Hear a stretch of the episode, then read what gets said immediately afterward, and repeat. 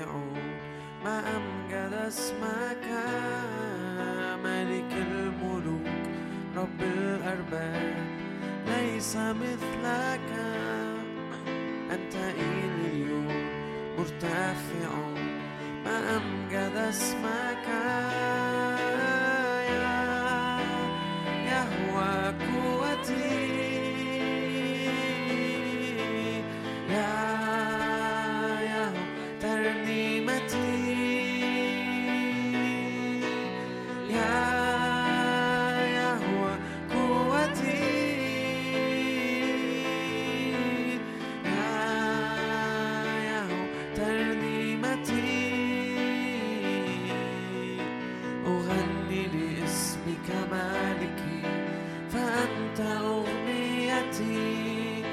أنت إلهي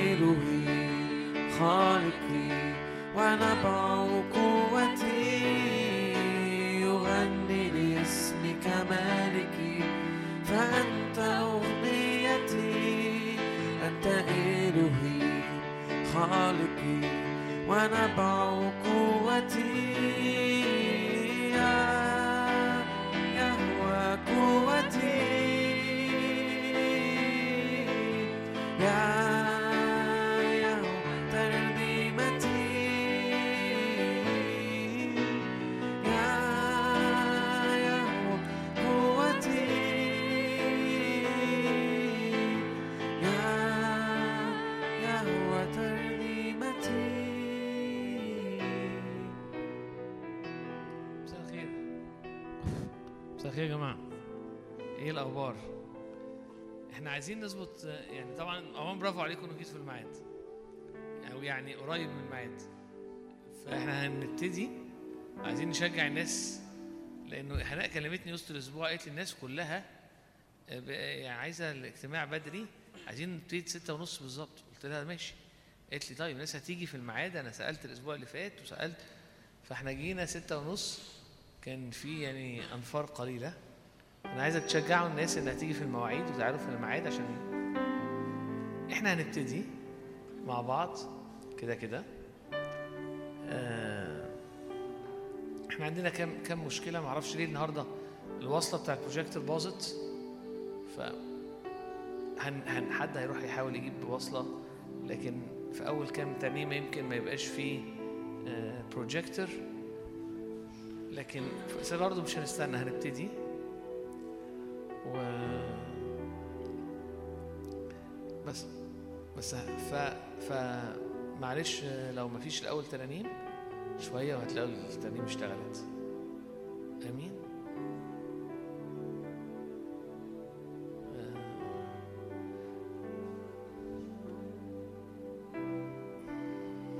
بيقولوا النهارده الدنيا كان فيها رعد ومطر و... حسيتوا بحاجة قبل المطرة؟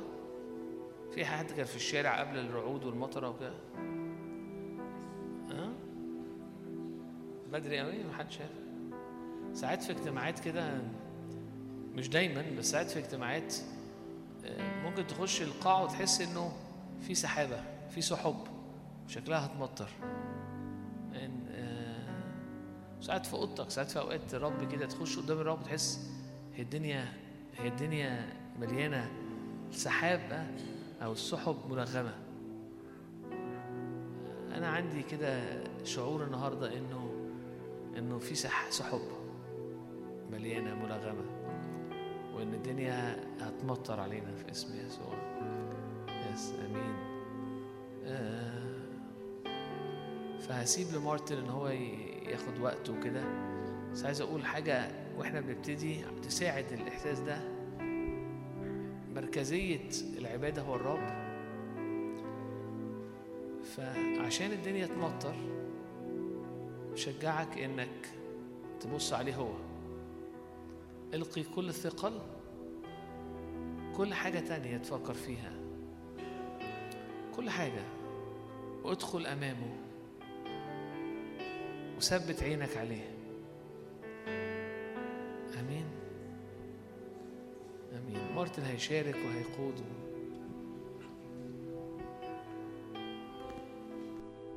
أشجعك خد دقايق كده وأنت قاعد.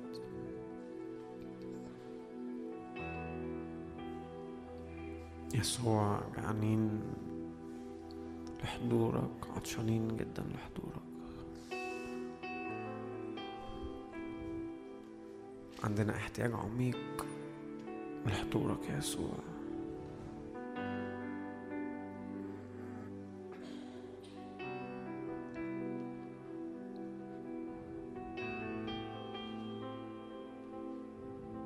كم من مرة أردت أن أجمعك تحت جناحي؟ يقول الرب. اجمعنا يسوع في حضنك. اجمعنا يسوع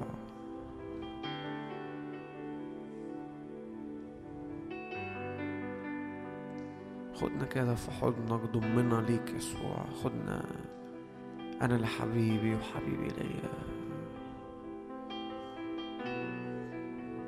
وداود بيقول كده أبي وأمي تركاني بس الرب يضمني. حضورك يضمنا يسوع حضورك كافي جدا. حضورك كافي جدا إنه بيعوض أي حاجة. حضورك بيعوض كل احتياج عميق جوانا يسوع واقفين كده في اللحظات دي قدامك ما عندناش أي احتياج تاني غير ليك.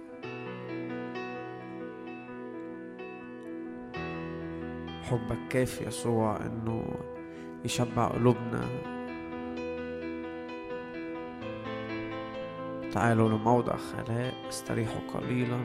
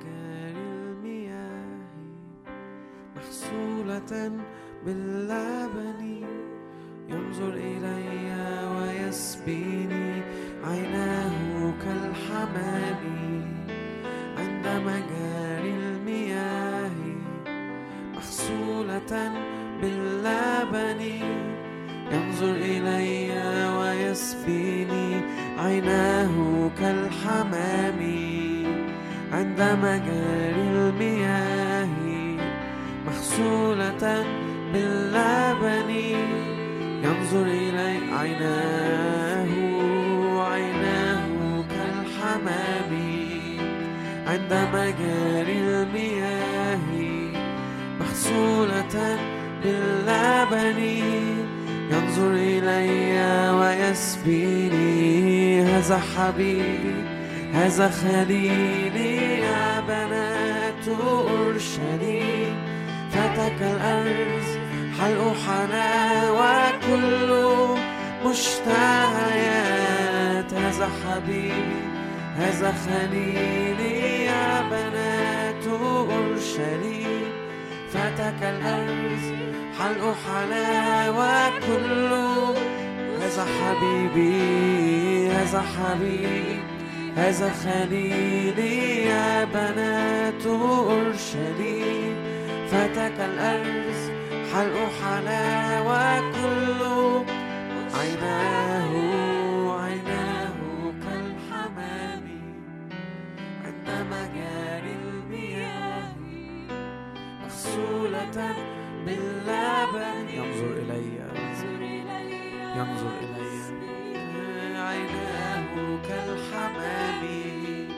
عند مجاري المياه مغسولة باللبن ينظر إلي. هذا حبيبي هذا حبيبي هذا خليلي يا بنات أورشليم فتك الأرز حلق حلاوة كل مشتهيات. هذا حبيبي. هذا خليلي يا بنات أورشليم فتك الأرز حلق حلاوة كل هذا حبيبي هذا حبيبي هذا خليلي يا بنات أورشليم فتك الأرز حلق حلاوة كله. هذا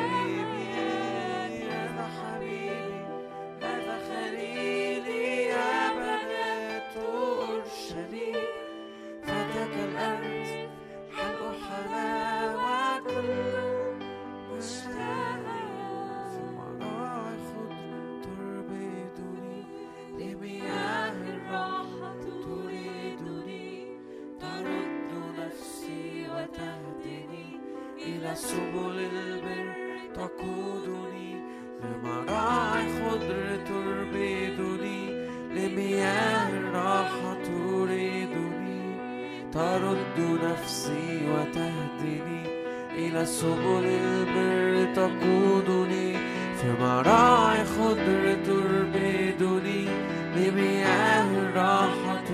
لا يعوزني شيء. داود بيقول الرب راعي ليا فلا يعوزني شيء. في مراعي خضر تربدني لمين لأن حبك كافي يسوع. حضنك كافي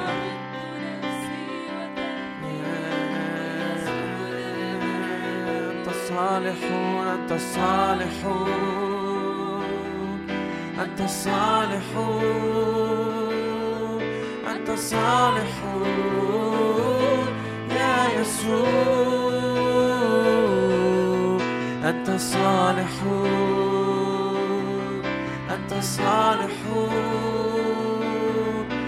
أنت الصالحون يا يسوع.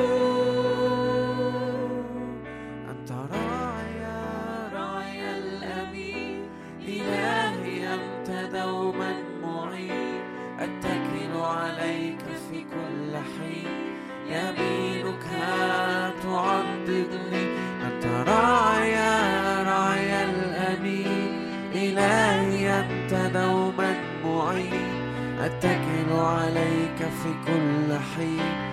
يمينك أنت راعي أنت راعي الأمين. إلهي أنت دوما معين. أتكل عليك. يقودك أيضا من وجه الضيق إلى رحم أنت راعي إلى رحم لا حصر فيه إلى مراعي خضراء إلى مياه الراحة صالح. أنت الصالحون أنت الصالحون أنت صالحون يا يسوع أنت صالحون أنت صالحون أنت صالحون يا يسوع إن سرت إن سرت في وادي ظل الموت لا أخاف شرا أنت معي ترتب قدامي مائدة تجاه مضايقي إن سرت في وادي ظل الموت لا أخاف شرا أنت معي ترتب قدامي مائدة تجاه إن سرت إن سرت في وادي ظل الموت لا أخاف شرا أنت معي. ترتب قدامي مائدة تجاه مضى إن إن سرت في وادي ظل الموت لا أخاف شرا أنت معي. ترتب قدامي مائدة تجاه مضايقي أنت الصالحون أنت صالحون أنت صالحون يا يسوع. أنت صالحون أنت صالحون أنت صالحون يا يسوع. أنت صالحون أنت صالحون أنت صالحون يا يسوع.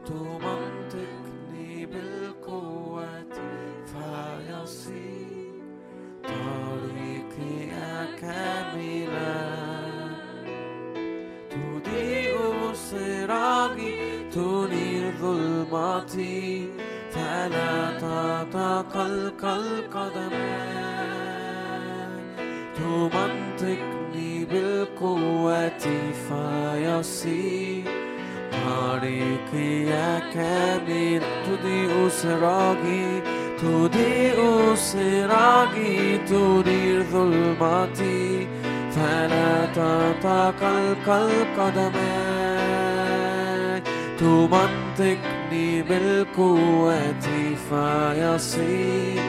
طريقي كاملا نفرح نفرح بك يا إلهنا.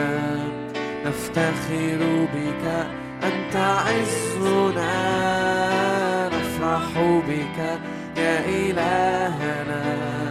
نفتخر بك عز إله أمانة إله أمانة لا جور صادق وعادل. أنت الصخر الكامل صانعه. أنت الرب الممجد. إله أمانة لا جور فيه صادق وعادل. صانعه أنت الرب الممجد نفرح نفرح بك يا إلهنا. نفتخر بك أنت عزنا. نفرح بك يا إلهنا.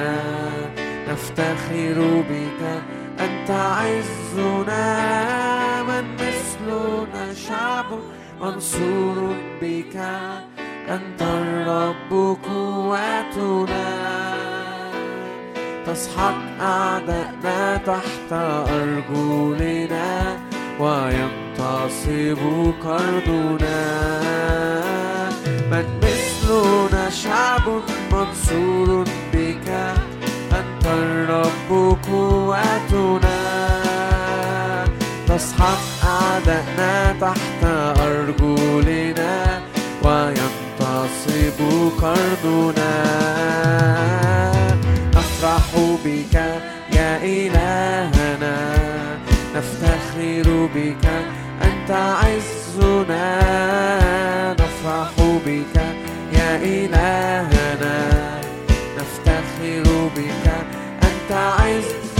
تضيء سراجي تضيء تنير ظلمتي فلا تتقلقل قدماي تمنطقني بالقوة فيصير. طريقي كاملا. تضيء سراجي تنير ظلمتي فلا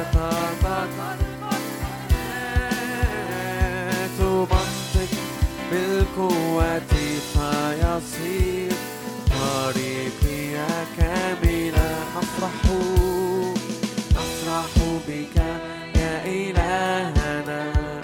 نفتخر بك أنت عزنا. نفرح بك يا إلهنا. نفتخر بك أنت أفرح. نفرح بك يا إلهنا. بك أنت عزنا نفرح بك. يا إلهنا نفتخر بك. أنت عزنا. أبرع جمال من كل بني البشر. انسكبت نعمة من شفتي. أبرع جمال من كل بني البشر. انسكبت نعمة من شفتي من ملء نحن جميعا أخذنا. أبرع جمال نعمة فوق نعمة نحن جميعا أخذنا نعمة فوق نعمة أبرع جمال. أبرع جمال من كل بني البشر.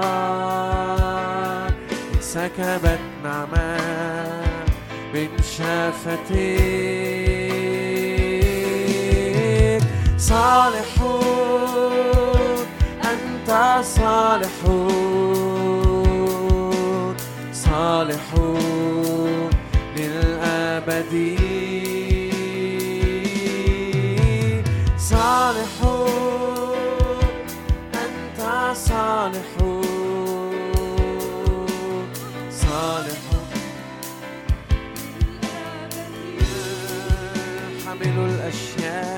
حمل الأشياء بكلمات قدرتك. خالق الحياة من العدم حامل الأشياء. بكلمات قدرتك خالق الحياة من العدم حامل كل الأشياء حامل الأشياء. مقتدر في القول وفي الفعل مقتدر في القول وفي الفعل. لا ينقض عهده لا يغير ما خرج من شفتيه.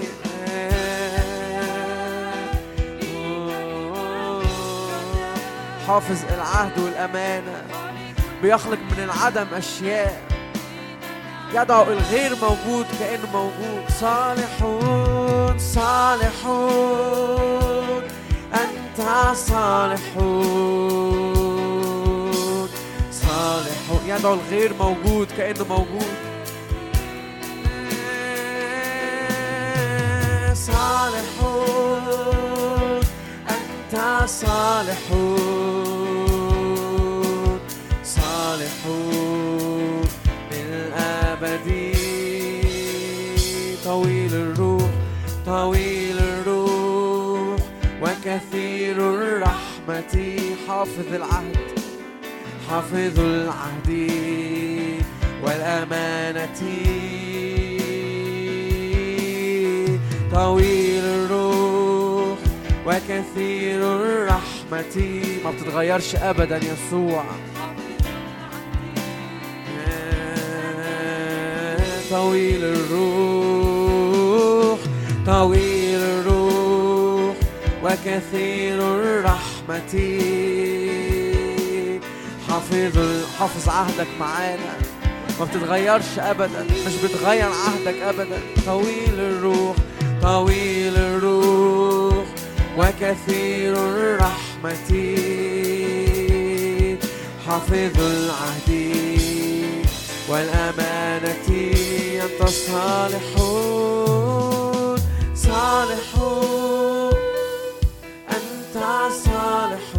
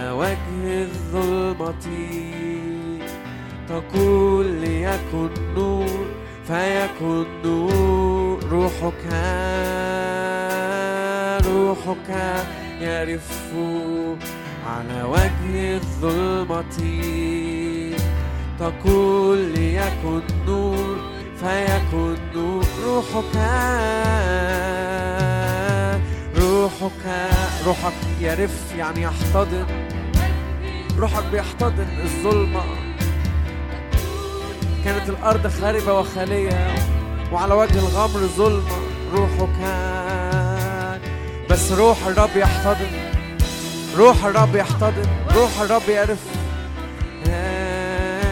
تقول ليكن نور فيكن روحك روحك يرف على وجه الظلمة تقول ليكن نور فيكن نور حملوا حملوا كل الأشياء بكلمة قدرتك أنت تحملني. أنت تحملني. يحمل كل الأشياء بكلمة قدرتك.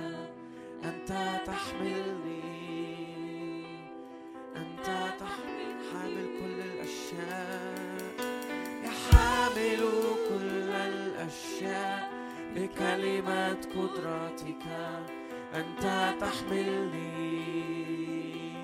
أنت تحملني حامل.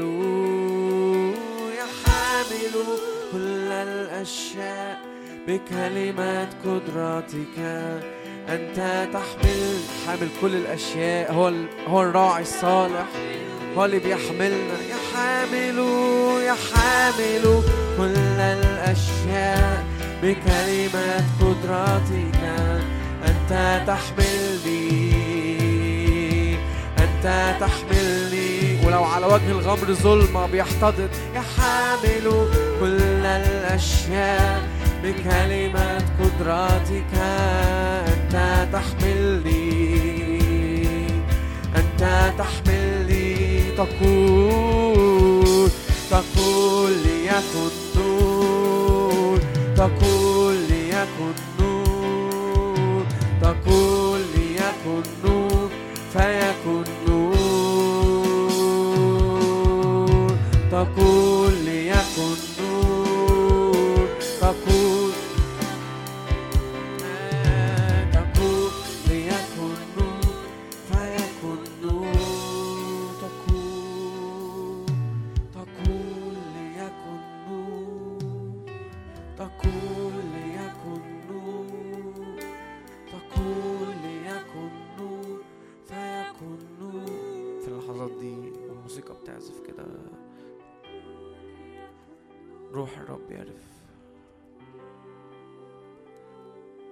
يحتضن كل حتة فينا. ويقول يكن نور فيكن. كل ضلمة باسم رب يسوع.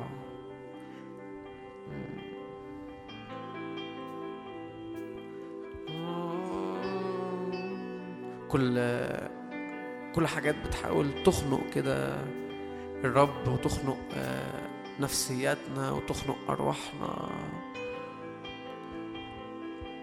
مبارك الرب الذي لم يسلمنا فريسة لأسنانهم. الفخ انكسر نحن انفلتنا مثل العصفور من يد الصيادين. أنا بصلي كل حتة ضيقة كده باسم الرب يسوع. يقودك من وجه الضيق إلى رحب حصر فيه. إلى رحب لا حصر فيه. وإذ الأرض خاربة وخالية على وجه الغمر ظلمة لكن روح الرب يعرف. روح الرب يحتضن. أؤمن كده وهي بتعزف في اللحظات دي قبل ما نكمل عبادة. روح الرب يحتضن باسم الرب يسوع. حضور الرب يحتضن كل حتة يجمع كل حتة فينا كده. وياخدنا لمراعي خضراء لمياه الراحة. انفلتت أنفسنا باسم رب يسوع. تنفلت أنفسنا.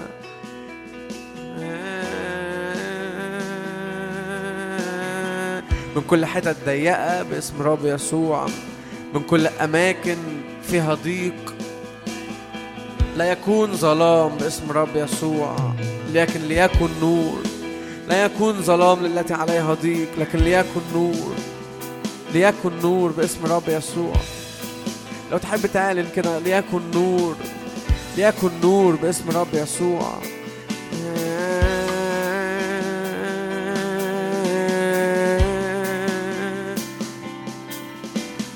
لأنه راعي صالح بياخدنا لأماكن مليانة مية مليانة خضرة مليانة راحة مليانة شبع مليانة فرح.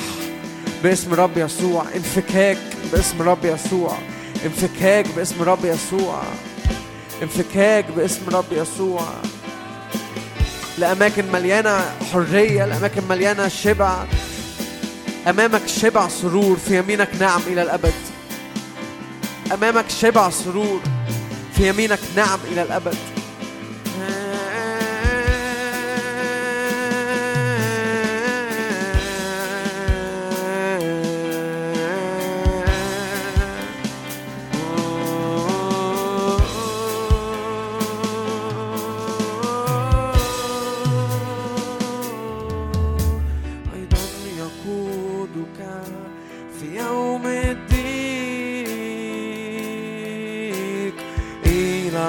رحب لا حصر فيه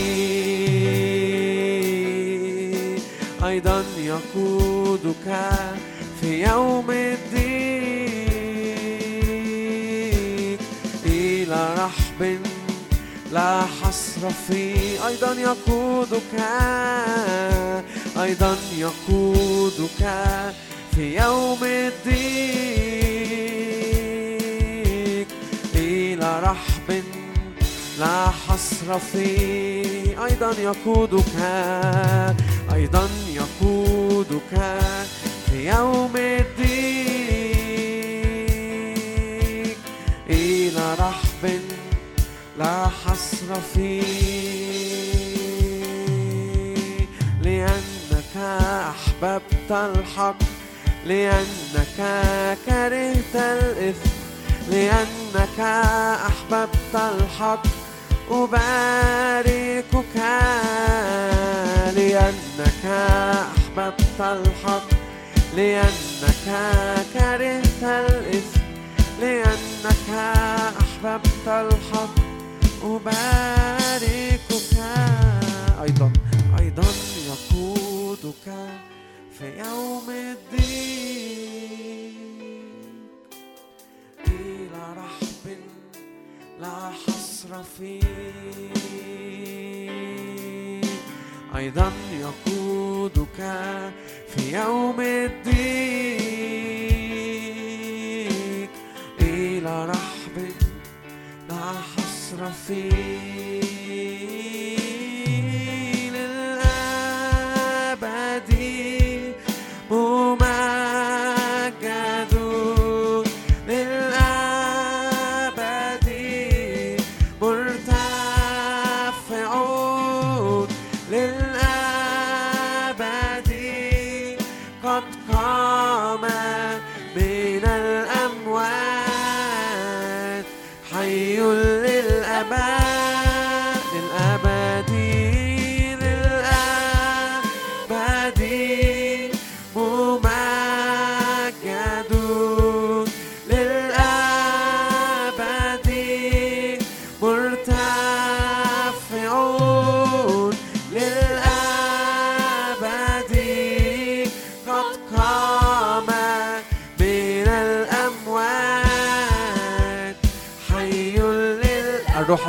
قام يسوع من الأموات. ساكن فينا.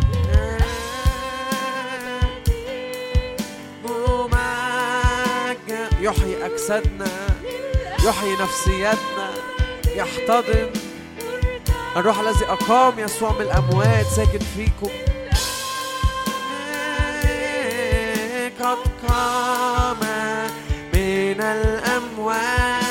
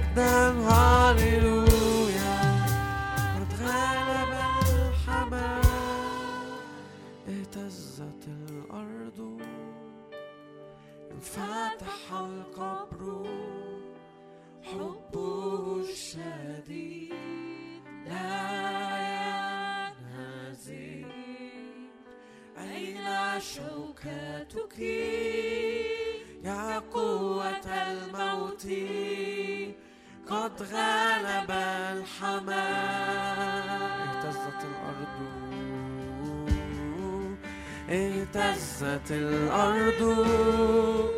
انفتح القبر. حبه الشديد لا ينهزم. أين شوكتك يا قوة الموت؟ قد غلب الحمام.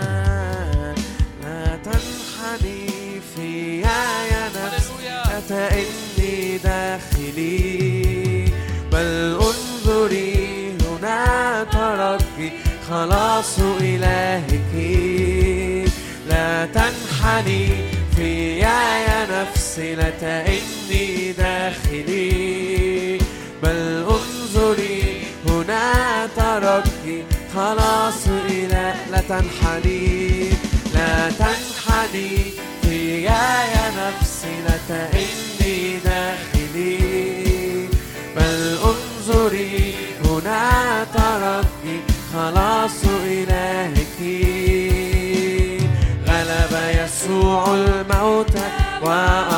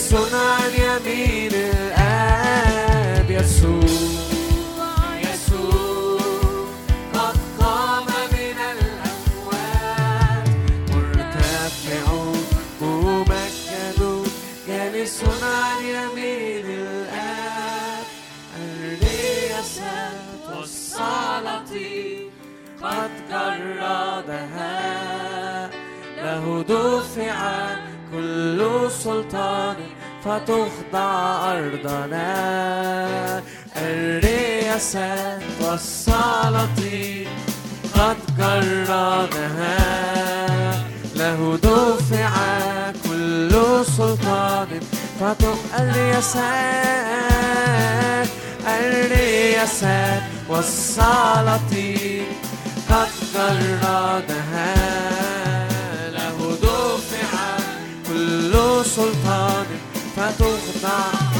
ملك يسوع ملك يسوع فلنسير في جدة الحياة. لا خطية ولا شكاية قد صار برنا. ملك يسوع فلنسير في جدة الحياة. لا خطية ولا شكاية قد صار برنا يسوع يسوع. قد قام من الأموات مرتفعون ممجدون جالس عن يمين الآب يسوع يسوع.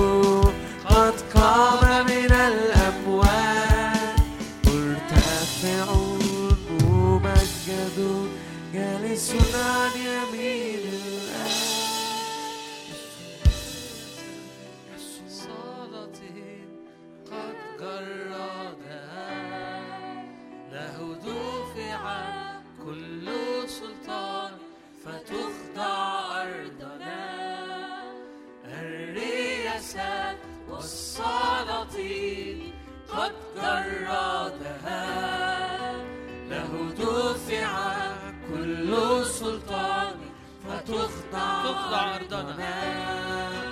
الرياسات والسلاطين قد جردها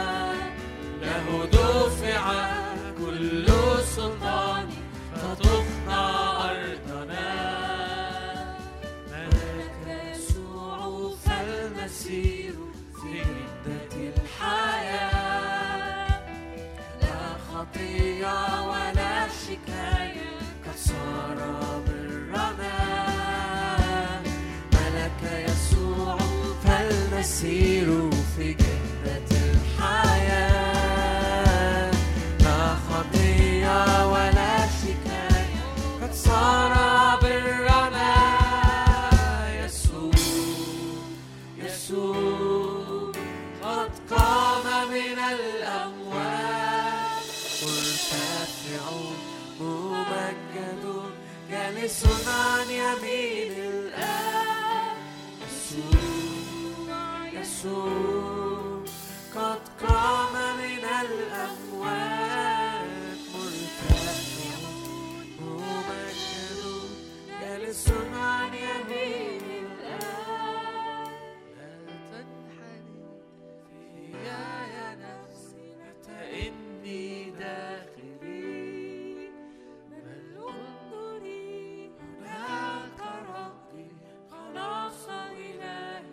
كده لنفسك بقى. لا تنحني فيا يا نفسي لا تئني داخلي. بل انظري هنا ترقي خلاص تنحني. مرة تانية لا تنحني فيا يا نفسي لا تئني داخلي. بل انظري هنا ترقي خلاص إلى تنحني. لا تنحني فيا يا نفسي لا تئني داخلي. بل انظري هنا ترقي خلاص إلهك. غلب يسوع الموت وأنار لنا الحياة.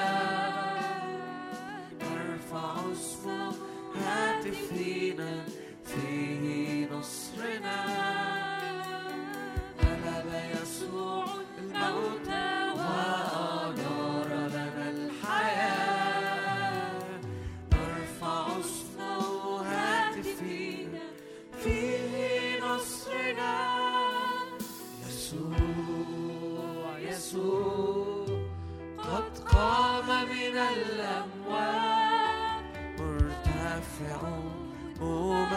ممجد جالس عن يمين الآب يسوع يسوع قد قام من الأموات مرتفع ممجد جالس عن يمين الآب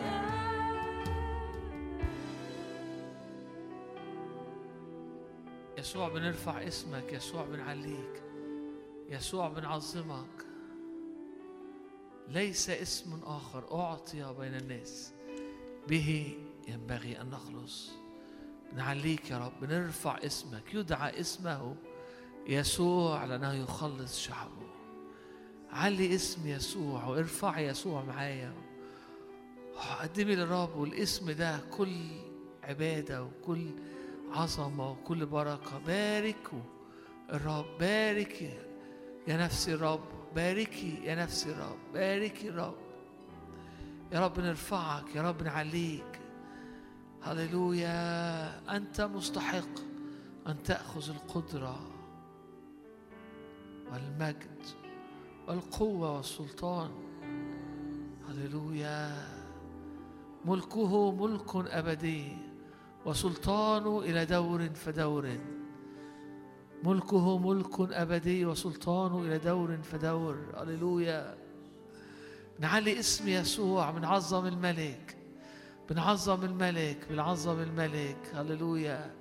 لأنك أنت رب مستحق لأنك أنت عظيم لأن أنت عالي لأن أنت مرتفع. هللويا. لأن الرب متسلط. هللويا في مملكة الناس. الرب متسلط العلي متسلط في مملكة الناس. هللويا. هللويا. أشكرك. مكتوب كده للسماء سلطان. في تعلن معايا إن للسماء سلطان على حياتك. إن حياتك مش ماشية بحسب الظروف أو بحسب رأي الناس أو بحسب حتى اللي الشيطان عايزه. اعلن معايا إن للسماء سلطان. قال له كده قد علمت أن للسماء سلطان. للسماء سلطان على أرضي. للسماء سلطان. هللويا. هو ملك السماء. هو ملك السماء. وللسماء سلطان. هللويا. يا رب نعلن إيماننا إنك أنت الملك. يا رب وإنه السماء ليها سلطان على أرضي. هللويا. ولأنه يا رب السماء ليها سلطان على أرضي أنت تقول فيكون. هللويا. أنت تفتح إيدك. يا رب فأرضنا يا رب تتملي. يا رب من النعمة والغنى. مكتوب من ملئه نحن جميعا أخذنا ونعمة فوق نعمة. ارفع إيمانك معايا وقول الكلمات دي. قول قدام نفسك. قول يا رب اشكرك لأنه من من ملئك أنا باخد ونعمة فوق نعمة. أنا بشكرك يا رب لأنه للسماء سلطان على أرضي. أنا بشكرك يا رب لأنه قد علمت أنك أنت يا رب الملك. أن أنت يا رب أن للعلي سلطان في مملكة الناس. هللويا. هللويا. اضرب أرضك أو اعلن إيمانك أو اع- خرج كلمات واعلن إنه إنه حياتك هي نتيجة للي السماء بتسكبه مش نتيجة لأي حاجة تانية. حياتي مش بحسب الناس حياتي مش بحسب قدراتي حياتي مش بحسب ظروفي حياتي مش بحسب حاجات عادية. السماء ليها سلطان على حياتي. قد علمت أن السماء سلطان قد علمت أن العلي متحكم مسيطر على مملكة الناس. هللويا هللويا.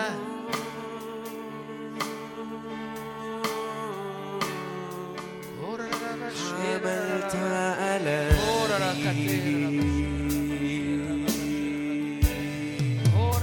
دعوتني باسم جديد.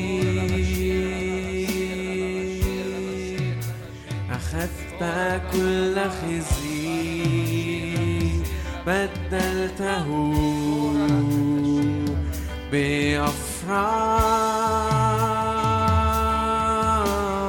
بأفراح. حملت ألامي.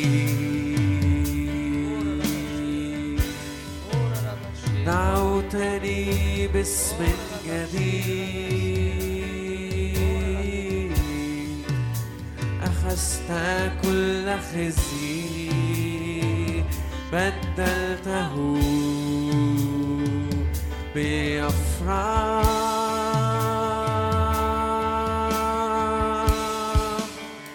تعطيني أفراح.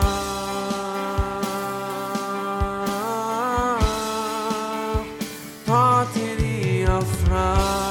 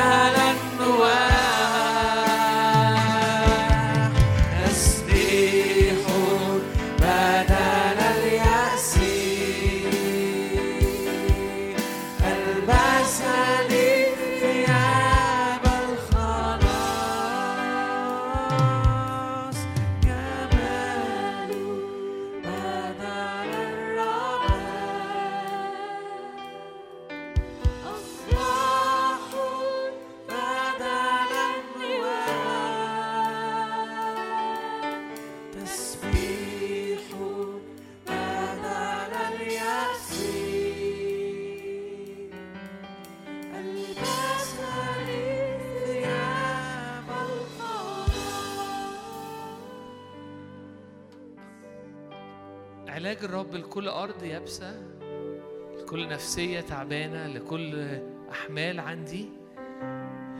هي مية من السماء. كتاب بيقول إنه يرسل.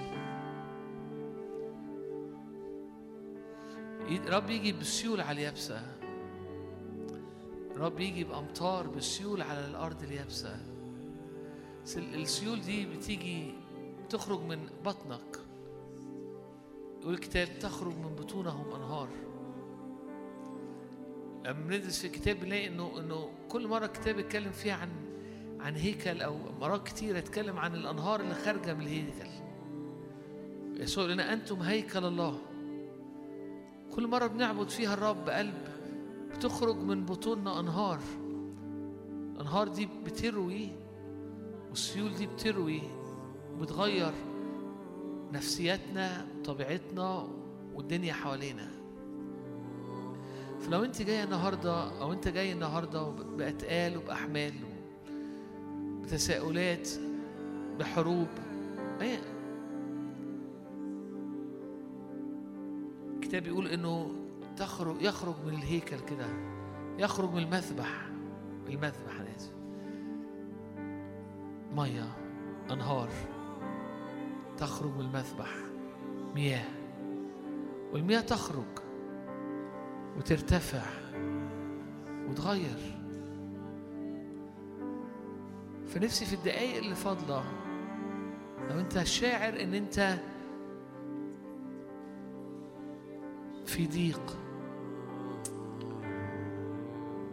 في مرارة في تعب حاسس إن أرضك يابسة.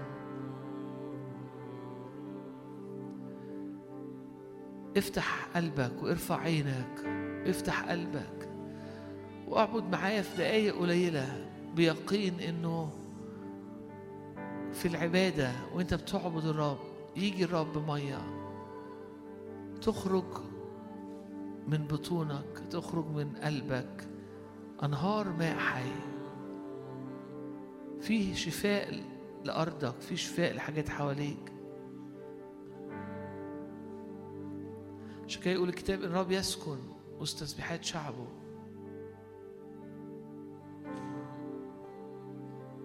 نفسي نقول كده بخور صاعدة.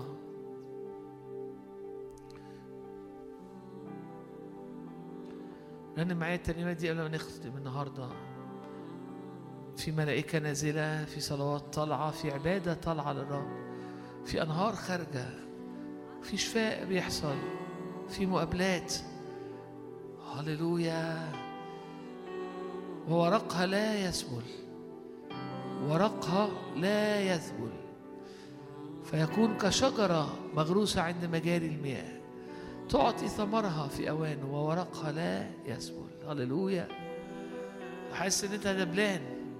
في مية. في مية. تنعشك. في العبادة بتخرج من بطونكم. من بطوننا من أنهار. تنعش أرضنا.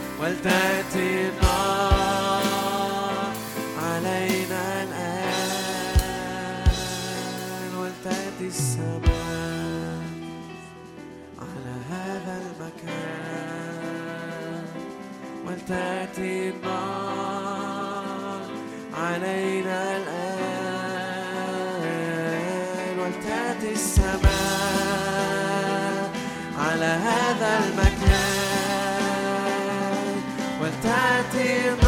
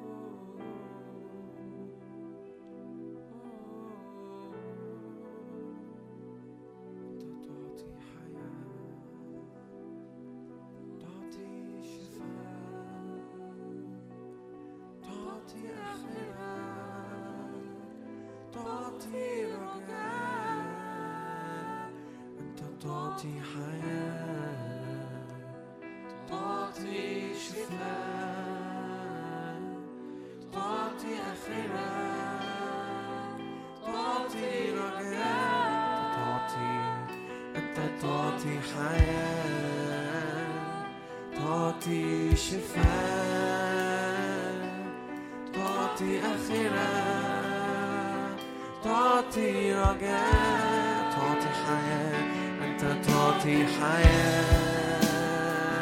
تعطي شفاء تعطي آخرة. تعطي رجاء.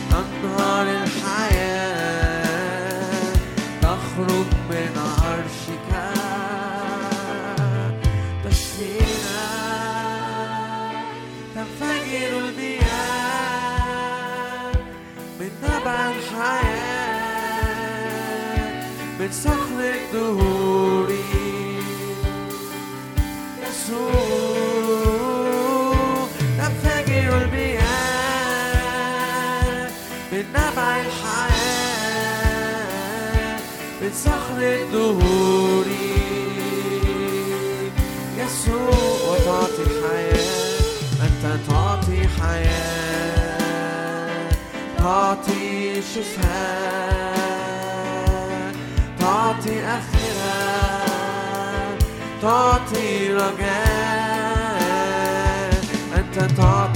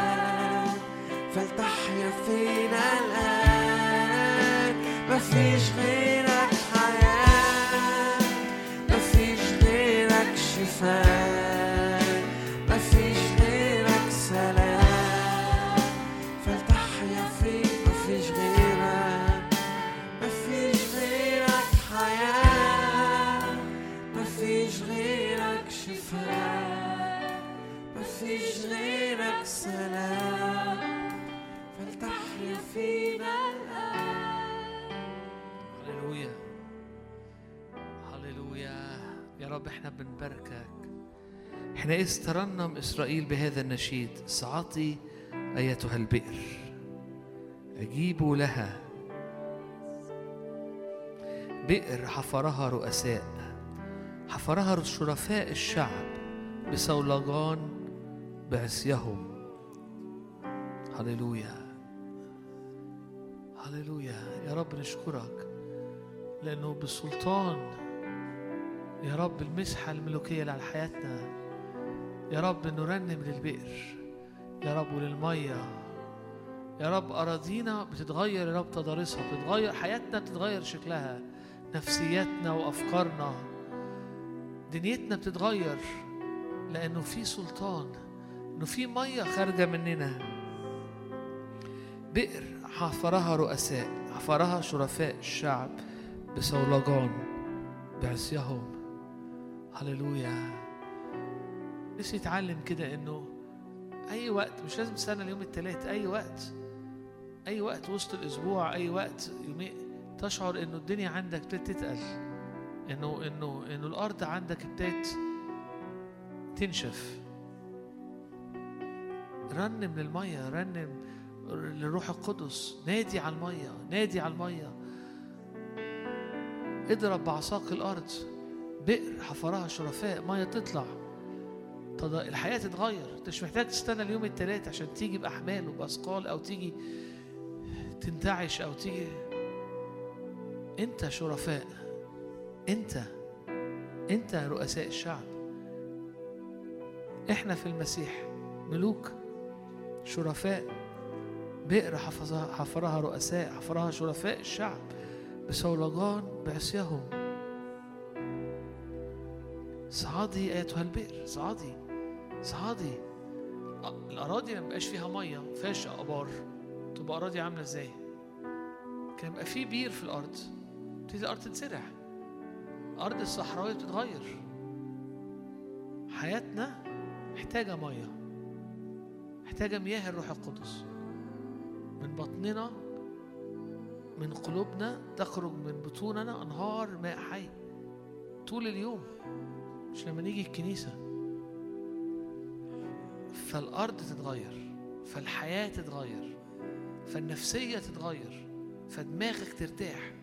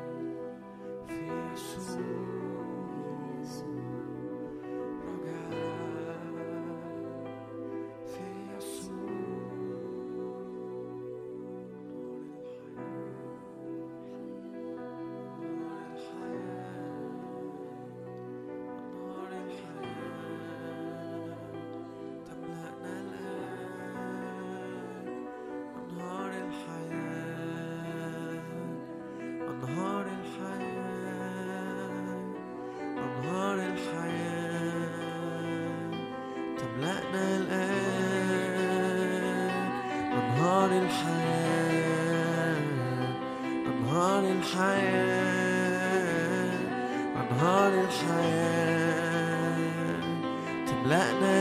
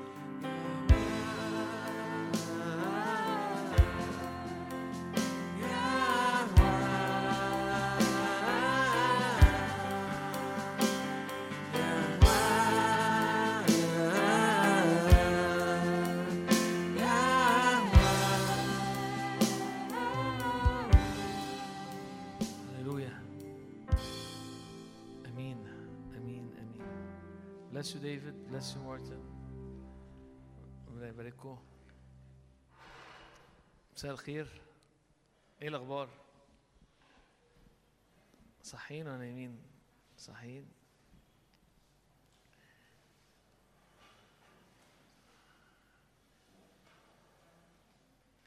في اي وقت في اي وقت في اليوم في اي وقت في اسبوعك تشعر ان انت محمل وتعبان حاسس انه الدنيا غارزه معاك تقف عارفين تقف كده في وسط الأرض بتاعتك تقف في وسط حياتك تقف قدام الرب تعبد الرب. حتى لو في الأول مش حاسس بحاجة حتى لو في الأول دي تقيلة تعبد الرب. تعبد الرب تعبد الرب تعبد الرب. مية في الروح القدس الكتاب بيقول عنه إنه مية. مياه الروح تخرج تحرك تبتدي تملاك تبتدي تملى حياتك تبتدي تملى مشاعرك تلاقي الدنيا اختلفت تختلف ف- وما وما توقفش غير لما تشعر إنك أنت خدت اختراقة أو إن المية غيرت حاجة. سواء بقى ده في اجتماع سواء ده وأنت في أوضتك سواء ده وأنت ماشي في العربية. أنت الملك أو أنت الش... أنت أنت أنت عارفين زي موسى أنت أنت اللي بترفع العصا. انت تعبد ما توقفش الحالة دي تتغير. أمين؟ أنا النهارده إحنا طولنا شوية في في العبادة النهارده. لكن أنا النهارده يعني يوم مميز جدا لأنه النهارده معانا حد آه، مميز قوي قوي آه، قسيس آه، ميمي عبد المسيح. ف ربنا يدينا وقت إحنا طبعا بنشكره جدا. هو جاي من القاهرة؟ إحنا بنيجي من القاهرة بس. بس إحنا يمكن بالمقارنة ليه والجدول بتاعه إحنا نعتبر ناس فاضية. يعني أو عطلة. ودايما مسحوم ودايما وقته فعايزين نرحب بيه. نشكره جدا جدا جدا إنه جه النهارده.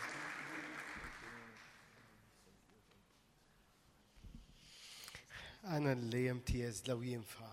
أنا اللي ليا امتياز أكون في وسطيكم وأشارك معاكم بكلمة الإنجيل. بفرح أما أبقى في مكان مليان بالرب ومليان بحضور الرب وبالمية بتاعت الرب. كل مرة بنخش المقادس الإلهية بتيجي المية بتخرج من العرش. دايما المية بتخرج من العرش. ففي كل مرة ما تقابلتش مع المية يبقى أنت ما دخلتش العرش ما شفتش العرش.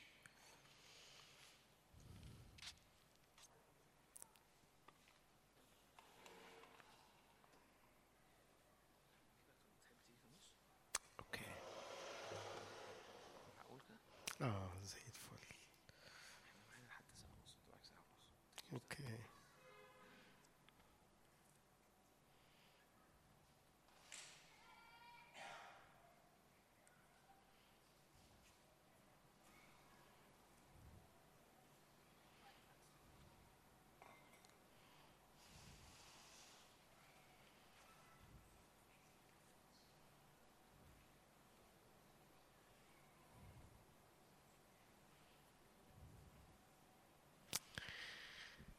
نفسي نرفع قلوبنا نقول للرب تعالى اتكلم في وسطينا النهارده. يا روح الله أنا جاي أسألك تيجي في وسطينا.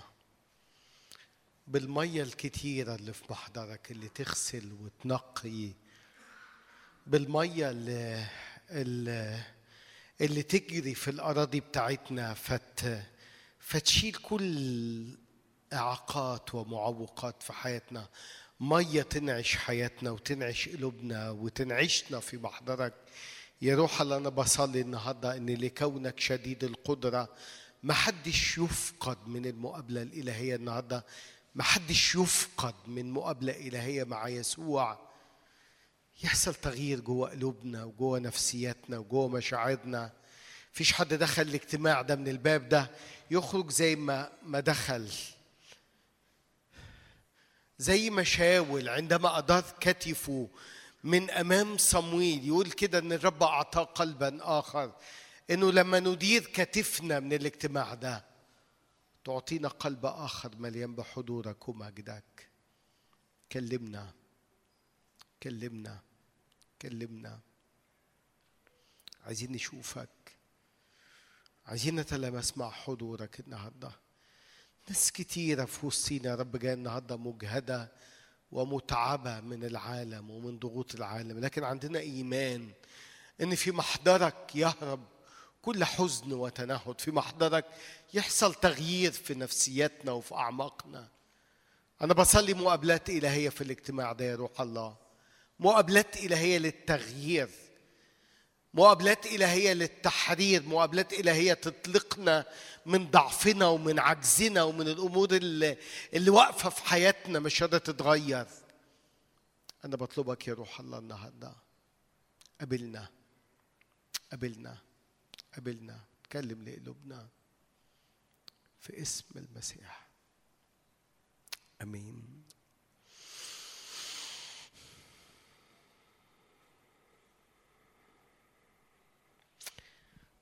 سفر الخروج اصحاح 32 حكي عن قصة مشهورة دي مقدمة لل- للعظة بتاعتي اللي في الإصحاح اللي بعد كده.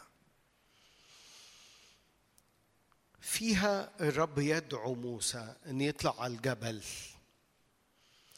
ويطلع على الجبل ساعتها والدنيا تطول معاه.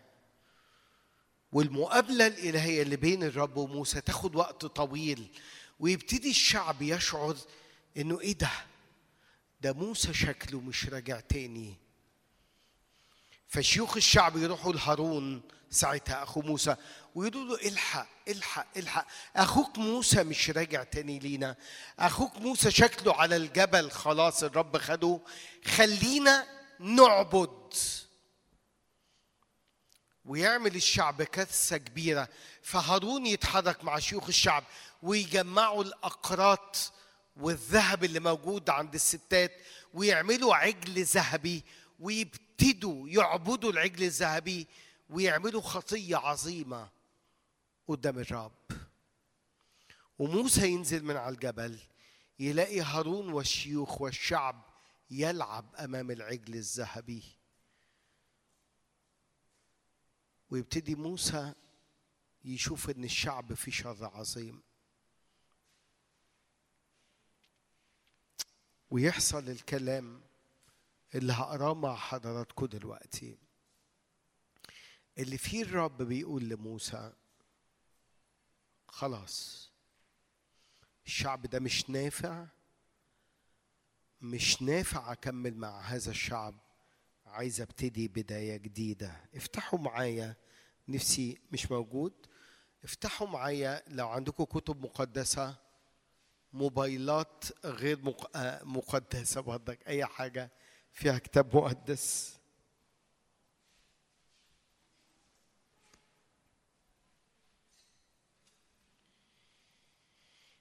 سفر خروج 32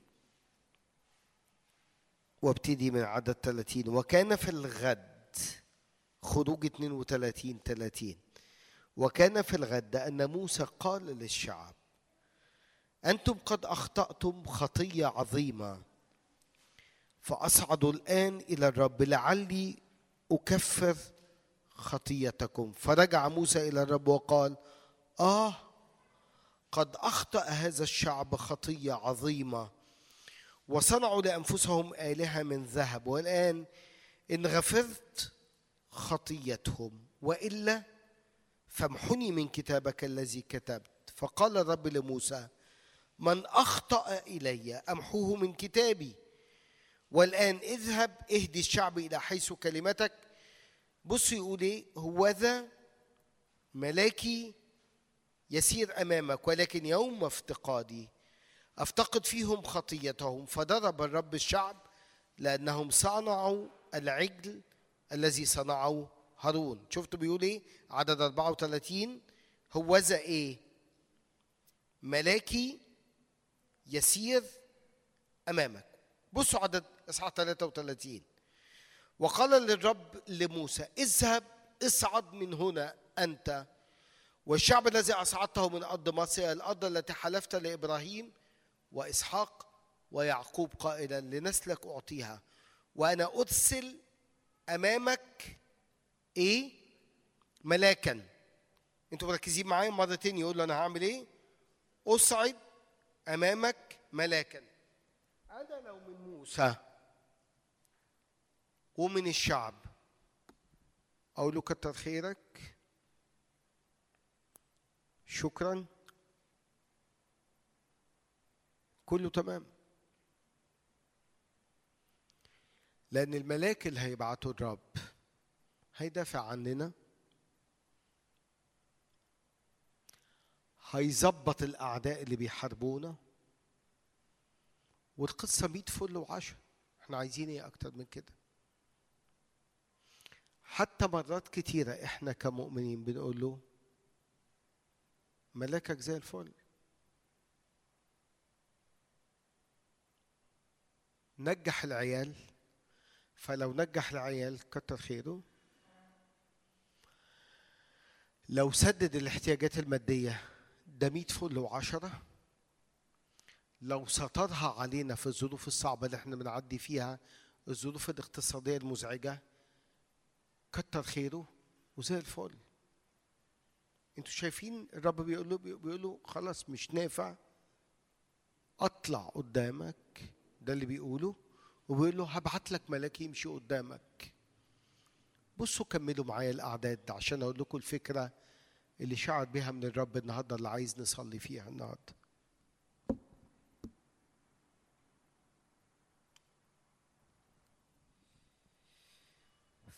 أربعة فلما سمع الشعب هذا الكلام السوء ناحوا ولم يضع أحد زينته عليه وكان الرب قد قال لموسى قل لبني إسرائيل أنتم شعب صلب الرقبة إن صعدت لحظة واحدة في وسطكم أفنيتكم. ولكن الآن اخلع زينتك عنك فأعلم ماذا أصنع بك. فنزع بنو إسرائيل زينتهم من جبل حريب وأخذ موسى الخيمة ونصبها له خارج المحلة بعيدا عن المحلة. ودعاها خيمة الاجتماع فكان كل من يطلب الرب يخرج إلى خيمة الاجتماع التي خارج المحلة. وكان جميع الشعب إذا خرج موسى إلى الخيمة يقومون ويقفون كل واحد في باب خيمته وينظرون وراء موسى حتى يدخل الخيمة. وكان عمود السحاب إذا دخل موسى الخيمة ينزل ويقف عند باب الخيمة ويتكلم الرب مع موسى. شايفين؟ شايفين العلاقة؟ عمود السحاب ينزل عند باب الخيمة. موسى يتكلم مع الرب فيرى جميع الشعب. عمود السحاب واقفا عند باب الخيمة ويقوم كل الشعب ويسجدون كل واحد في باب خيمته. عدد 11 ويكلم الرب موسى وجها لوجه كما يكلم الرجل صاحبه. وإذا رجع موسى إلى المحلة كان خادمه يشوع بن نون الغلام لا يبرح من داخل الخيمة. بصوا معايا في عدد 12 وقال موسى للرب انظر أنت قائل لي اصعد هذا الشعب وأنت لم تعرفني من ترسل معي. أنا بحب كلمة الله ومش بعدي الكلمات كده. وممكن في نهاية الاجتماع هقول لكم على طريقة احتمال أشجعكم بيها. ندرس بيها كلمة الله في المستقبل. يمكن نتفق على مرة نيجي يوم طويل. كنت بحكي أنا وشادي عن ده. نتعلم كلمة الله. هو ربنا ما قالش لموسى مين هيصعد معاه؟ قال له ولا ما قالوش؟ قال له قال له مرتين أشكرك شفتوا يا ملاحظة. قال له مرتين قال له هطلع قدامك مين؟ طب هنا موسى بيعمل إيه؟ هقولها بتعبير بلدي بيستعبط. هو بيستعبط. هو مش بينكر هو بيستعبط.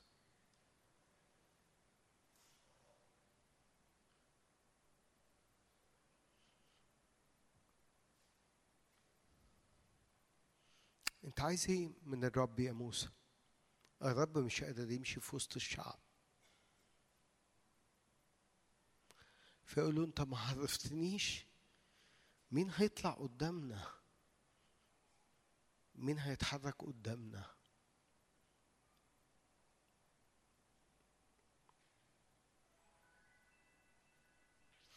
وكأن موسى بيعمل مناورة مع الرب. بيعمل نوع من الإصرار إنه عايز يدخل لحاجة أبعد من الديل اللي عمله مع الرب أو الرب عمل الديل معاه. بصوا للآيات اللي بعد كده عشان بس تدركوا الإعلان اللي موجود في الكلمة. أشكرك إن أنت قدرت تجيب لنا الآيات. بيقولوا كده ما أنت ما عرفتنيش من ترسل معي. وأنت قد قلت عرفتك باسمك ووجدت أيضا نعمة في عيني. فالآن إن كنت قد وجدت نعمة في عينيك علمني طريقك حتى أعرفك.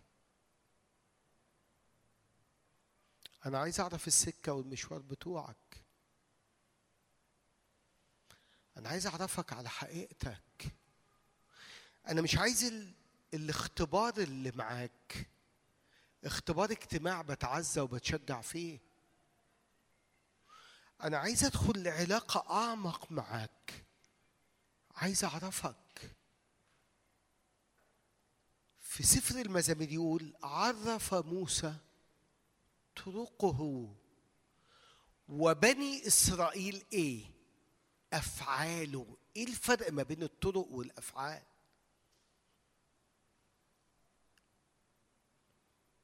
إحنا مرات كتيرة لما ربنا بينجح العيال بنقول له أنت زي الفل.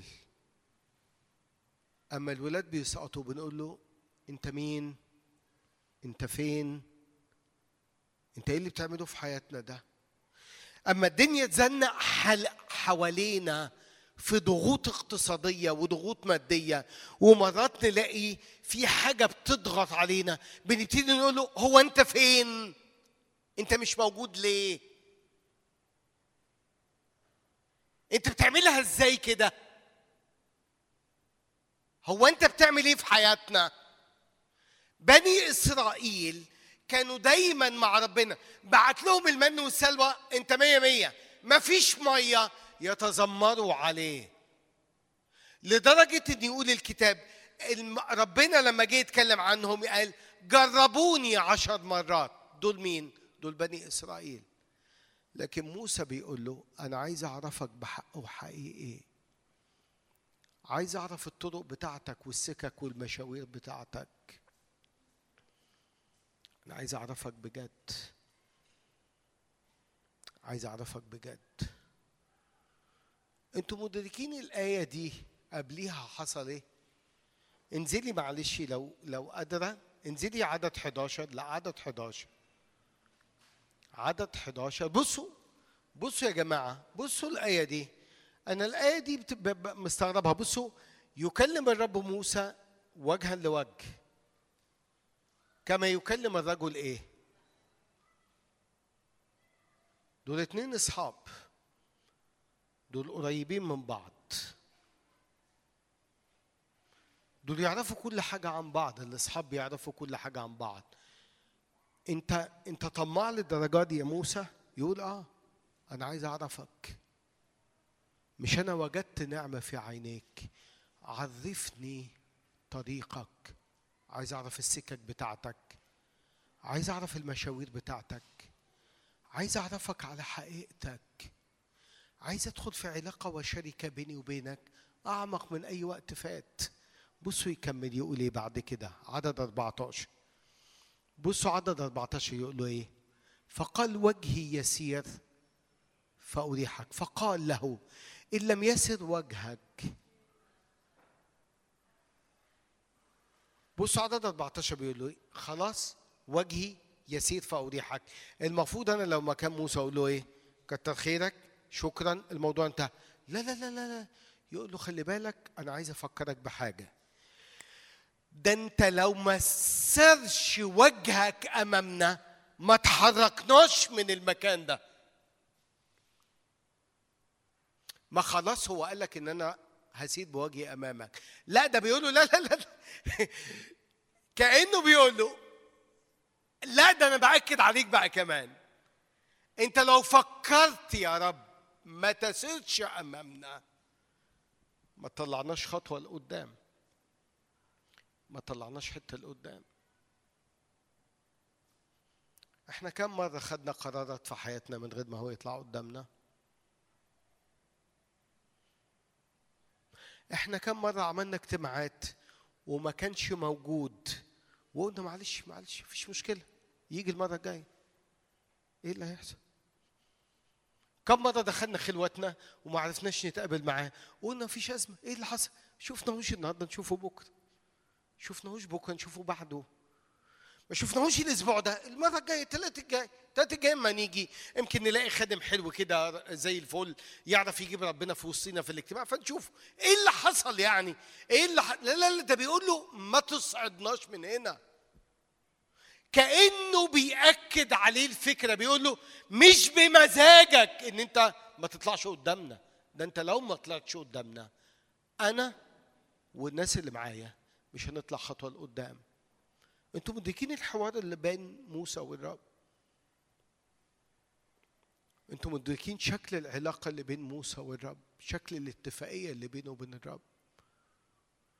الإصحاح اللي فات لو تبصوا عليه بتاع العجل الذهبي في حوار طويل بينه وبين ال... بين الرب.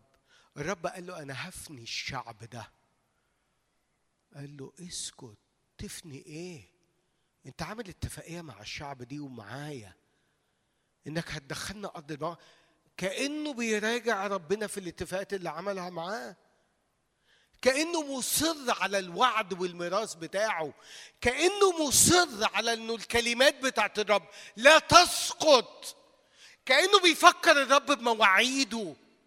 أنتوا مدركين العلاقة اللي ما بين موسى والرب مخليه يعمل إيه؟ يقول له لا لا لا لا مش انت بس اللي متمسك. ده انت حتى لو نسيت وعدك مع الشعب. اسكت. كأنه بيقول للرب لا ما تقولش الجمل دي. الجمل دي مش قابلة للنقاش. ده شعب مصر والشعوب اللي حوالينا. لو سمعوا إن أنت فنيت الشعب ده سمعتك هتبقى باظت في السوق قدام الناس. دي الجمل اللي موسى بيقولها للرب. أنتوا مدركين واحد فاهم ربنا إزاي؟ أنتوا مدركين واصل لعلاقة مع الرب؟ بيفكروا بالمواعيد الإلهية لحياته ولحياة الشعب.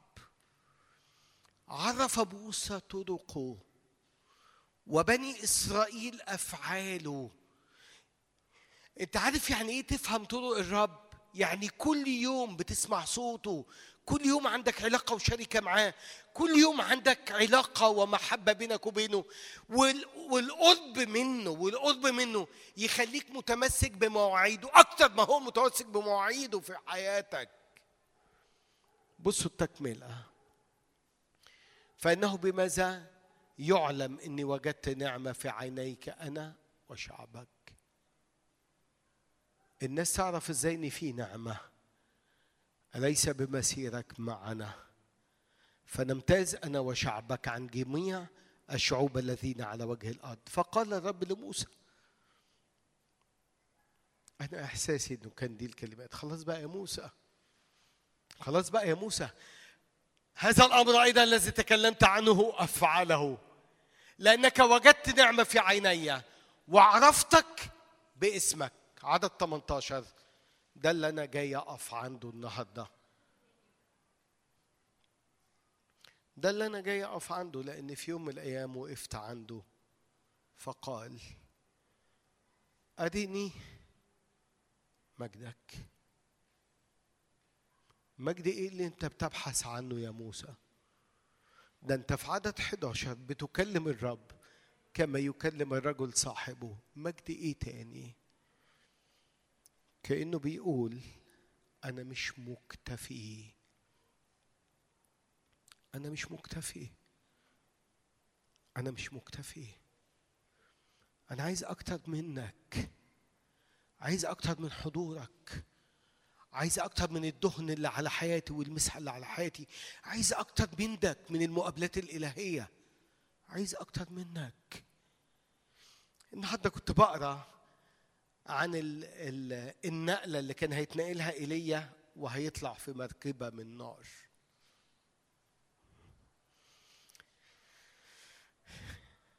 إليشع.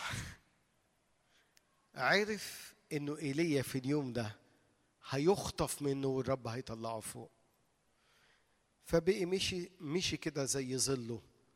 فإيليا يقول له اقعد اقعد هنا وأنا راجع لك. يقول له لن اتركك. فيروح لبلد والمؤمنين والأنبياء اللي موجودين جوه البلد يقولوا خلي بالك خلي بالك خلي بالك إيليا النهارده هيصعد وهيسيبك. فيقول أنا عارف اسكتوا. أنا لازق فيه. فايليا يقول له طب أقعد أقعد أنا عديت على البلد دي أقعد فيها لأن أنا رايح لبلد تاني. يقول له لن أتركك مش هسيبك. لن أتركك. في آخر بلد رابع محطة وقف عندها. قال له أنت عايز مني إيه يا إليشع؟ قال له أنا عايز اتنين من روحك وهو بيختطف. مسك الرداء بتاعه قطعه اتنين.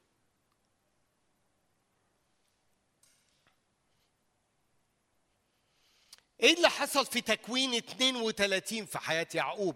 أنا بس بربط لكم الكتاب عشان تدركوا الإعلان اللي الرب عايز يقوله لكم النهارده. تكوين 32 لما تقرأ قصة يعقوب تلاقي قصة عجيبة. ليه؟ لأن هذا اليعقوب فضل أكتر من 27 28 سنة في حياته واحد نصاب بيلف ويدور.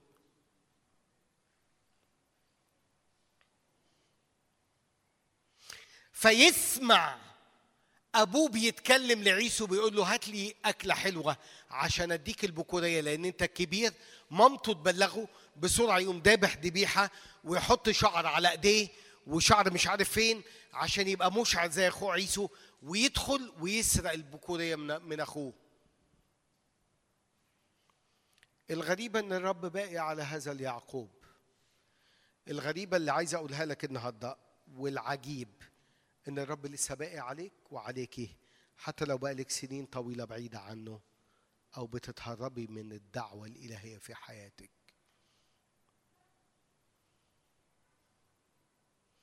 حتى لو بقالك وقت قاعد تراوغ من المقابلات الإلهية والحضور الإلهي في حياتك في مقابلة الرب عايز يصنعها معاك النهارده. في مقابلة الرب عايز يصنعها معاك النهارده.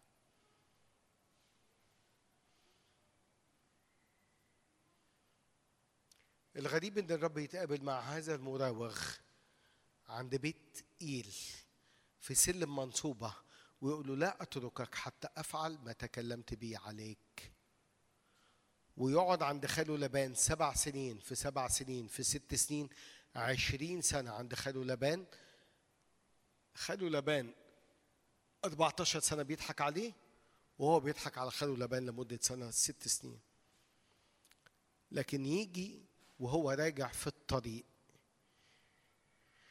يروح عند حتة اسمها مخاضة يبوق وده كان نهر موجود في الزرقاء دلوقتي في الأردن. فيعدي عيلته قدامه ويقول يتقابل مع الرب يقول صرعه إنسان حتى طلوع الفجر. وقال له إيه؟ لن أتركك إن لم تباركني. في وقت يجي على حياتك وأنا بصلي إنه يجي النهارده إنك تقف قدام الرب وتقوم ماسك فيه. وتقول له مش هسيبك إلا لما تعمل معايا المقابلة الإلهية دي. في كتاب ورا شقلب شكل حياتي في يوم من الأيام اسمه الباحثون عن الحضور الإلهي أو عن الحضور.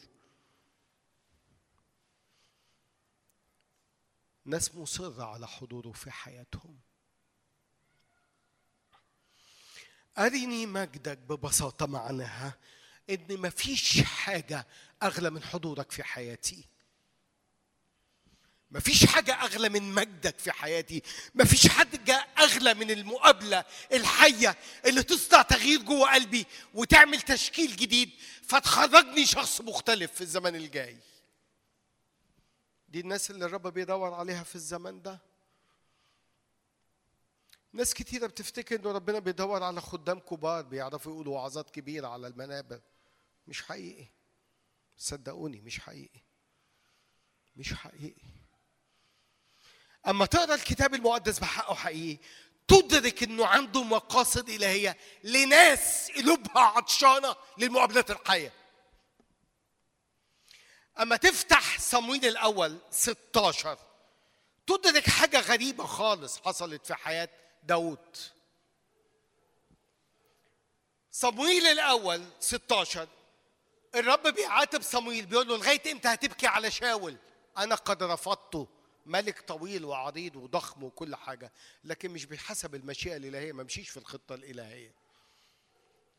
فقال له لو رحت بيت يسا وعملت ذبيحة يعرف شاول يذبحني؟ قال له روح كأنك رايح تعمل ذبيحة في بيت يسا. فوصل عند بيت يسا. وقال لهم الرب آه، عايز أسأل مين عندكم الكبير؟ فبص لقى ولد كبير كده اسمه ألياب الابن الكبير لياس. واد طويل وعريض كده وضخم كده. فبص كده قال في وجهه مسيح الرب. فالرب قال له انت أنت ما اتعلمتش الدرس يا صمويل؟ أنت ما فهمتش الدرس يا صمويل؟ طب ما شاول كان طويل وعريض ولم يحقق المشيئة الإلهية. قال له أنا آسف. قال له لأن الإنسان ينظر إلى العينين أما الرب إلى القلب. اسمعوني كويس.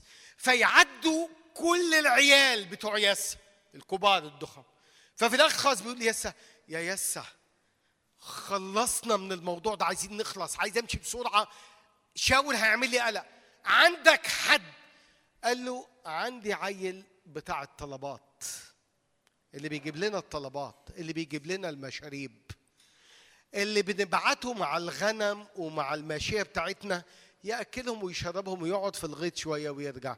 قال له ابعته يقول لما داود دخل الرب قال له هو ده. هو ده. هو ده. هو ده. ده اللي يبحث عن حضوري وعن مجدي. ده اللي قال في مزمور 63 يا الله إلهي أنت إليك أبكر عطشت إليك نفسي يشتاق إليك جسدي في أرض ناشفة ويابسة بلا ماء. ده اللي جواه عطش للمجد الإلهي ولا الحضور الإلهي. ده اللي بيبحث عن مجده مش عن نفسه. عشان كده يقول فتشت قلب داود بن يسى فوجدته رجل حسب قلبي الذي يصنع كل مسرتي. بالرغم إن داود عمل أقذر وأقبح خطية في عيني الرب لكن عرف يتوب ويرجع لأن قلبه كان لين وطري ولحمي ويعرف يتوب بسهولة. يا موسى أنت عايز إيه؟ أنت عايز إيه؟ أنت أنت عندك علاقة مع الرب. أنتوا صحاب. ده الرب كان كان عمود السحاب ينزل والرب ينزل بكل مجده. يتكلم مع موسى الناس كلها تشوف الحضور الإلهي في ابهى مجده. ده موسى حصل إنه الناس ما قدرتش تشوف وجهه لأنه كان بيلمع من الحضور الإلهي في حياته. فقالوا له حط برقع. مش قادرين نشوفك مش قادرين نبص عليك المجد الإلهي نازل عليك. عايز إيه تاني؟ قال له أرني مجدك. عايز أشوف مجدك. عايز أشوف المقابلة الإلهية اللي بيني وبينك. عايز حتة أعمق في العلاقه والشركة معاك. إيه أكتر خطية ضربانا كمؤمنين وكخدام؟ إنه حصل في حياتنا تعود. ان حصل في حياتنا خلاص بقينا مرحرحين لدرجة خلاص إحنا نعرفه ما عرفناهوش. خلاص المية موجودة المية موجودة. المية ممكن تلاقيها موجودة عند الكعبين موجودة عند الركبتين موجودة عند الحقوين. هو بيقول لك أنا عندي مياه سباحة لا تعبر تمشي فيها وتغوط سنين وسنين وتكتشف يسوع على حقيقته هو عنده إعلان جديد لحياتك ولأيامك. عنده إعلان ليك النهارده في الزمن ده. وأنت حاسس إنه السماء مقفولة يقول لك لا لا لا بفتح السماء فوقيك. وأنت حاسس إن أنت مضغوط وفي احتياجات مادية كتيرة يقول لك أنا يهوى يرأى أنا الرب اللي أرى وأسدد الاحتياج. يبقى عندك في البيت حد عيان أو في عيلتك حد عيان وحاسس إن أنت مش قادر تمارس إيمانك. يقول لك أنا يهوى رافع أنا الرب الشافي. فيحصل إعلان ومقابلة إلهية إنه يعلن لك عن نفسه إنه شافي بحقه حقيقي. فتمارس إيمانك وأنت داخل على الحد المريض اللي في عيلتك. فتصدق إنه في شفاء يحصل في وسط القعدة اللي أنت قاعدها. لأنك بتنقل الشفاء بتاعه والحرية بتاعته والمجد بتاعه. أرني مجدك. يقول يا موسى ما فيش حد يرى مجدي ويعيش ما فيش حد يشوفني ويعيش. يقول له طب أعمل إيه؟ قال له أنا هحطك في نقرة كده في الصخر وهعدي من بظهري وتشوف حتة من مجدي. وكأن موسى بيقول له عندي استعداد إن أنا أموت بس أشوفك. وده الإعلان اللي الرب عايز يقوله لكنيسته في الزمن ده. كل ما الكنيسة بتاعته كل ما المؤمنين يقولوا له زواتنا ملهاش قيمة. بس نشوفك. ليه مش بنعرف نشوف الرب؟ لأن باصين على نفسنا وعلى ضعفنا وعلى عجزنا. أول ما تموت يأتي المجد الإلهي على حياتك. لأنه لا يراني أحد ويعيش. معناه إيه؟ إنك ما تقدرش تشوفه وتعيش. أول ما تموت تعرف تشوفه. أقولها تاني. أول ما الجسد ده يموت فروحك تنتعش. ويبقى الفاني هو اللي بيموت لكن الجوة الإناء بتاعك يتفتح على الكنز اللي في أواني خزفية. تعرف تشوف المجد الإلهي بتاعه؟ مش بذاتك. أما تتكسر والإناء الخزفي بتاعك يتكسر فالمجد بتاعه يظهر. ده اللي موجود في كورنثوس الثانية أربعة. لما أتكلم على الإناء الخزفي اللي بيئن اللي بيكتئب اللي بيتعب. فبتدي مساحة النهارده ليه؟ للكنز يخرج براك فتشوف المجد اللي الرب عايز يعمله. إيه الدعوة اللي الرب جاي يدعوها لنا في الاجتماع ده؟ أنت عطشان للمجد ولا ولا مش عطشان للمجد؟ أنت عطشان للحضور الإلهي بحقه حقيقي. أنتوا عارفين إيه اللي حصل مع يعقوب؟ قعد يصارع مع الرب فقام كسر حق فخذه فساعتها استسلم يعقوب ساعتها ما قدرش يقاوم ما قدرش يكمل. ويقول له أنت يعقوب لكن من النهارده هيتغير اسمك من يعقوب للإسرائيل لأنك جاهدت مع الله والناس.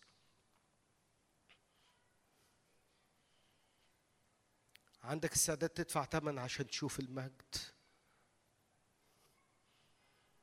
عندك استعداد تدفعي ثمن عشان تشوف المجد. اللي بيشوف المجد شخص بيموت عن ذاته عن شهواته عن نجاسته عن ضعفه عن اللي عنده. إيه اللي خلى الرب يبص على واحد زي داود؟ ما عندك واحد الياب طويل كده وينفع في الحرب.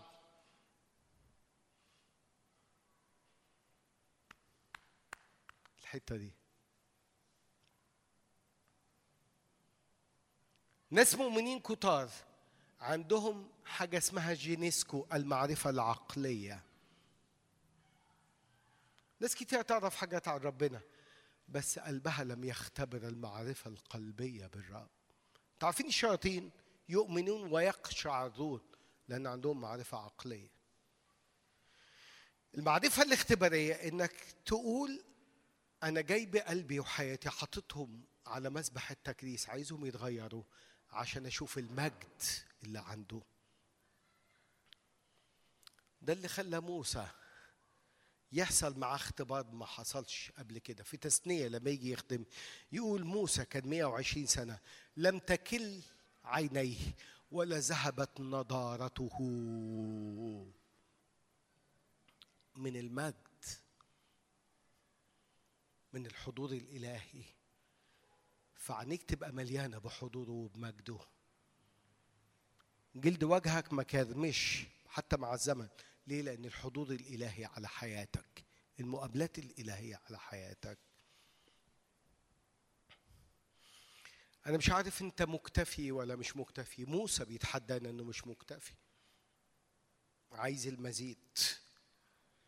معرفش ده بيحصل في حياتنا في خلوتنا كل يوم. إحنا مكتفيين. ولا بنحط ركبنا لغاية لما نشوفه ولغاية لما نتقابل معاه.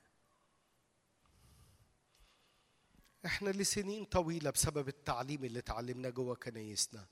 اتملت أذهاننا بالمعرفة. قلبنا ما اختبرش. إحنا عندنا معرفة كتيرة عقلية. بس المعرفة القلبية قليلة. فاكر كويس قوي. حصل معايا حاجة. كنت مدعو لخدمة في أمريكا في الوقت ده. سنة 2013 كنت محبط وفشلان. ومسافة سفرية طويلة قوي عشان أروح أوعظ ثلاث وعظات في مؤتمر. ثلاث وعظات في ثلاث أيام وأرجع. يا جماعة أكيد ثلاث وعظات؟ قالوا لي آه ثلاث وعظات. فقلت أوكي. فوصلت هناك محبط فشلان. كنت بعدي وقت صعب في حياتي.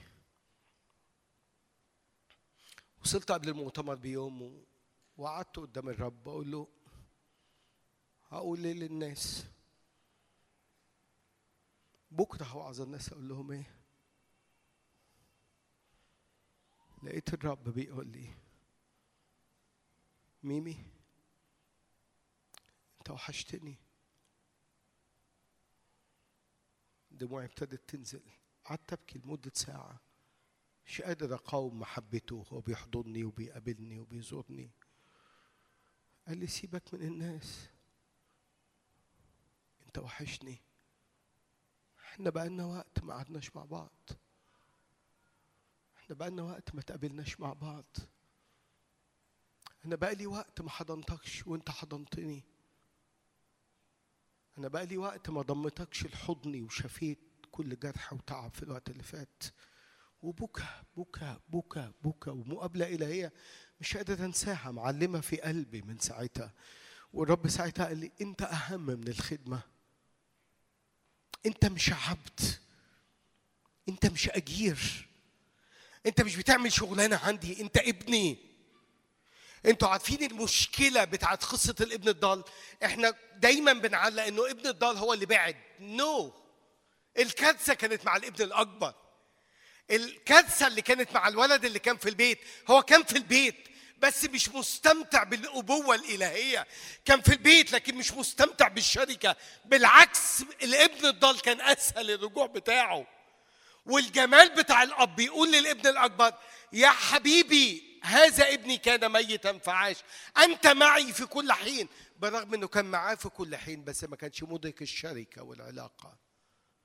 قال له ما فيش مرة طلبت منك حاجة عشان أصحابي ولا أصدقائي. بالرغم إنه كان جوه البيت بس ما كان شعر بالبنوة. أنا مش عارف أنت تعرف ربنا ولا لأ لو أنت في الاجتماع.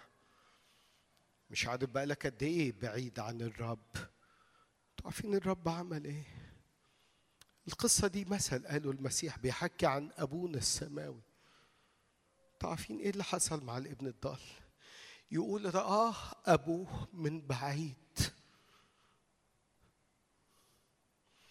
أنتوا عارفين الخلفية بتاعت القصة اليهودية؟ لو أدركتوها تدركوا ان القصة صعبة. المفروض الابن الضال ده محكوم عليه إن يرفض من القرية ما ينفعش يخش القرية دي. ممنوع رجعوا للبيت لأنه خد الميراث بتاع أبوه وهو حي. فالمفروض الأب ما يرحبش بيه في البيت بالعكس ده ممنوع يدخل القرية. معنى إنه الابن الضال ده قرر يجي للقرية. أنتوا عارفين الجمل اللي قالها إيه؟ قال أنا هروح عند أبويا وأقول له أخطأت إلى السماء وقدامك ولست مستحقا أن ادعى لك ابنا. اجعلني كأحد اجراك خليني واحد من عبيدك. يقول الكتاب إن الأب لما راه من بعيد يقول جري برغم إن الأب ده راجل كبير في السن. بصوا القصة يجري يجري يجري والأب قام واقع على عنقه ومسكه حضنه. بالرغم كان ممكن يقول له أنت ريحتك وحشة من الخنازير. بالرغم إنه ما كانش مستحق إنه ياخده في حضنه ويحتضنه. أنا جوه قلبي رسالة لكل حد موجود هنا. ممكن تبقى ريحتك بسبب الخطيه مليانة بالخنازير. ممكن تبقى حاسس إبليس بيضحك عليك بقالك وقت طويل ويقول لك مش هيقبلك. هو رفضك. أنت في حتة بعيدة ما ينفعش تيجي للآب. لكن النهارده الرسالة اللي الرب بيقول لك بيقول لك أنا دعيك لشركة معايا. ريحتك خنازير ما ريحتكش خنازير. أنت محبوب. تعالى في حضني. يقول ان وقع على عنقه وقبله. فالولد جه يقول له نفس القصيدة اللي قلتها من شوية. يا أبي لست مستحقا أن اقعد لك ابنا. يقوم حاطط إيده على ابوه يقول له اسكت اسكت اسكت. وينده على العبيد بتوعه يقول لهم هاتوا له الحلة الأولى. هاتوا له الخاتم وحطوه في إيديه. لأن هذا ابني كان ميتا فعاش وكان ضالا فوجد. ممكن تبقى مؤمن ورحت للكورة البعيدة. الرب بيقول لك النهارده عايز أوريك مجدي.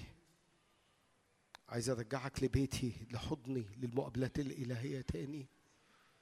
المقابلات الإلهية مش للناس اللي بعيدة بس لكن الناس عايشة في بيت الآب بس مش مدركة المحبة الإلهية. موسى كان مدرك ده فقال له لو في نعمة في عينيك اطلع قدامنا امشي قدامنا عايزينك قدامنا مش هنمشي من غيرك مش هنتحرك من غيرك.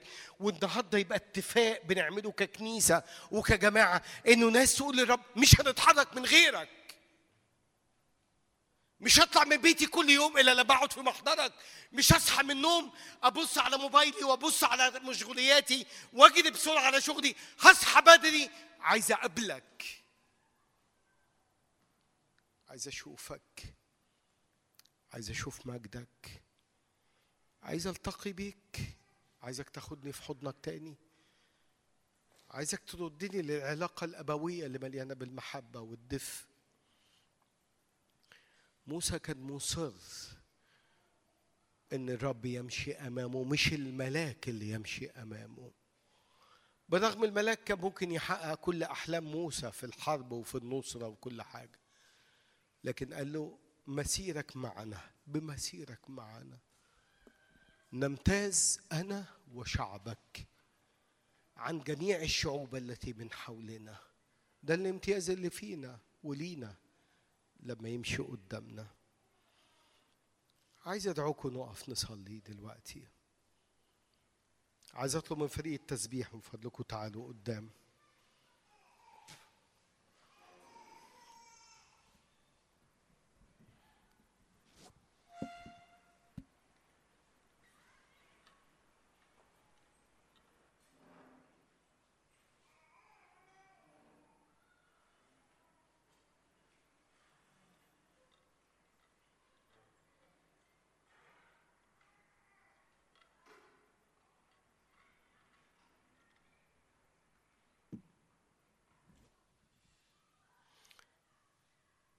لو انت ما تقابلتش مع المسيح قبل كده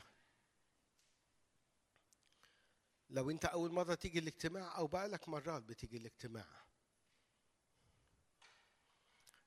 بس شعر كأنه السماء مقفولة فوقيك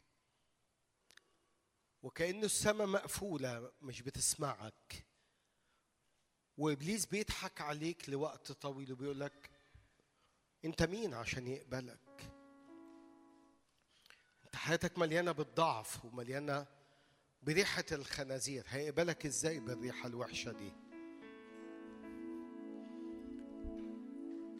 لكن جاي أقول لك خبر مفرح ومبهج في نفس الوقت.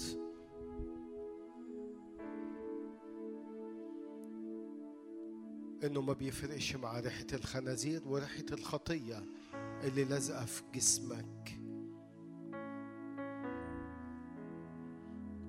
إن أبونا السماوي النهارده موجود في القاعة دي عايز يقع على عنقك النهارده ما يعملش حاجة إلا إنه يقعد يبوس فيك. ويبوس في كل حتت مجروحة جواك وقلبك موجوع فيها. يبوس كل حتت العدو اشتكى بيها على حياتك وخطايا اشتكى بيها على حياتك. والنهاردة تقول إذا لا شيء من الدينونة الآن. على الذين هم في المسيح يسوع. السالكين ليس حسب الجسد بل حسب الروح. ما فيش شيء من الدينونة عليك. ممكن تبقى جاي ومليان بالضعف والخطية. الرب بيقول لك أنا رفعت الدين اللي عليك. ما إلا إن أنت ترفع إيدك وتصدق في عمل يسوع المسيح. الكفاري على الصليب.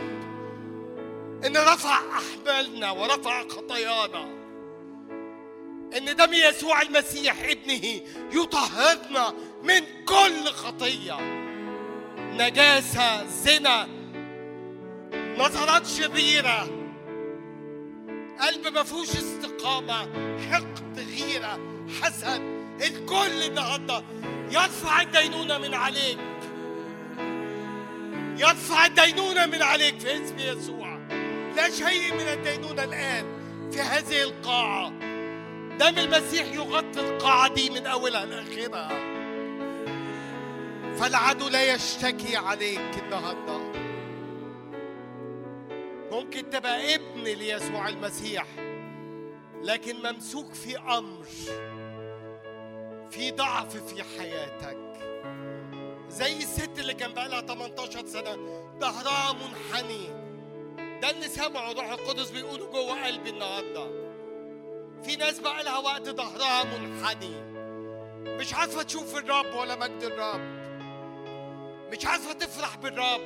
مش عارفة تتقابل في حضور الرب. مش عارفة تنطلق في العبادة وفي التسبيح. ظهرها منحني. يسوع موجود النهارده يحط إيده على ظهر ناس في القاعة دي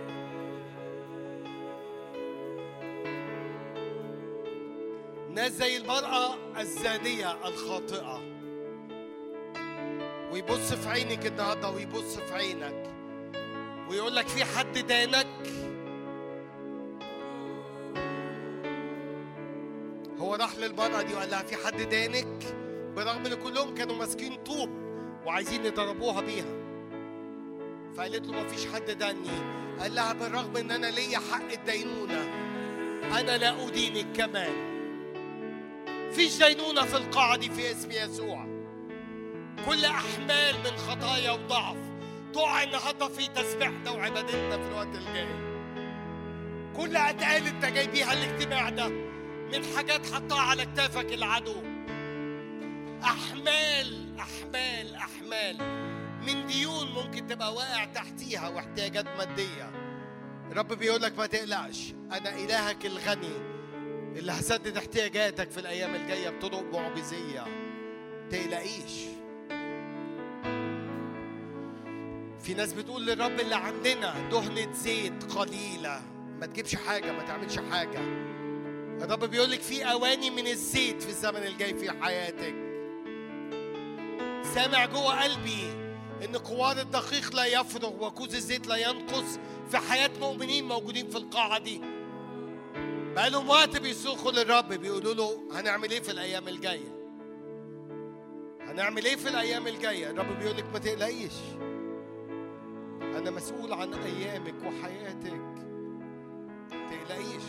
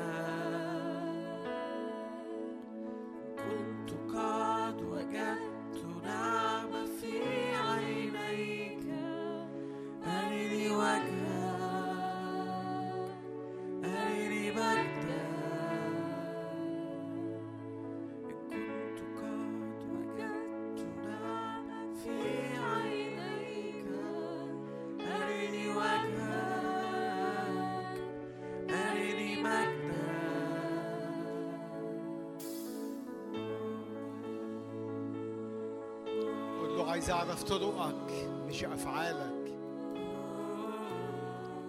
عايز أعرف سككك في حياتي والطرق اللي بتمشيني فيها. حتى لو الوقت ده فيه ضغطة في حياتي وفي احتياجات مش قلقان لو أنت معايا. عشان كده عايز أعرفك وأعرف طرقك. بتشكل في الإناء بتاعي ما عنديش مشكلة. بتصنع الإناء بتاعي ما عنديش مشكلة. بتشكلني وبتعجني وبتصنع إناء حيثما يحسن في عينيك ما عنديش أزمة ما عنديش أزمة. بس وجهك أمامي وجهك أمامي. وجهك هو اللي بيتقدم العملية دي والمسيرة دي. هو ده المهم بالنسبة لي. مش إيه اللي حاصل في حياتي. أنت موجود ولا لأ؟ انت موجود ولا لا؟ ده المهم النهارده.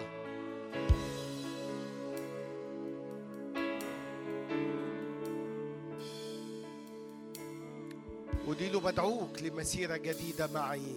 بدعوك لمسيرة جديدة معي. مش همشي المشوار لوحدي في الزمن الجاي. مش همشي المشوار لوحدي في الزمن الجاي.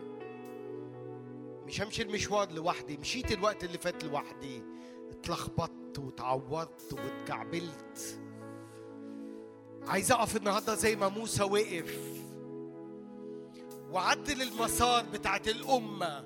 أمة إسرائيل عدل المسار بتاعها موسى بالرغم إن كان محكوم عليها بالإفناء وبالموت.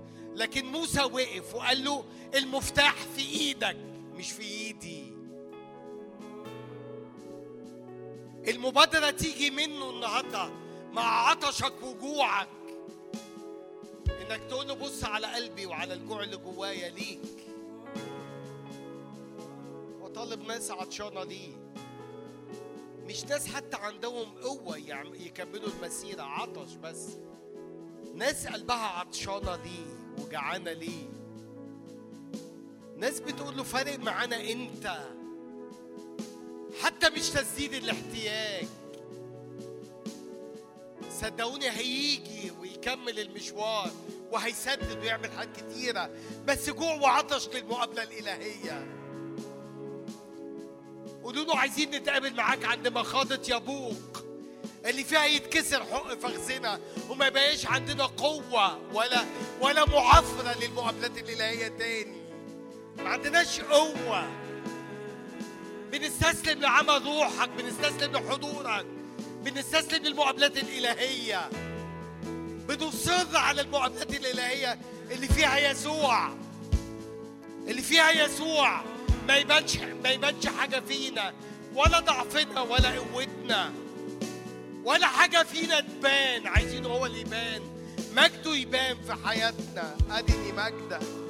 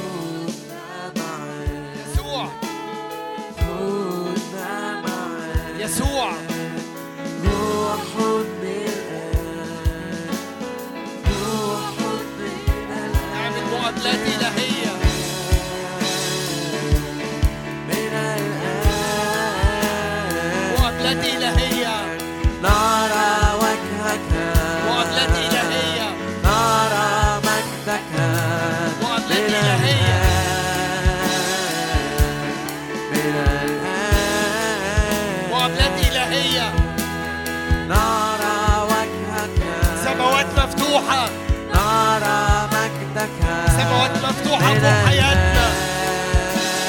سماوات مفتوحة فوق جماعتنا. سماوات مفتوحة فوق خلوتنا نرى وجهك سماوات مفتوحة. نرى مجدك سماوات مفتوحة. سماوات مفتوحة. سماوات مفتوحة.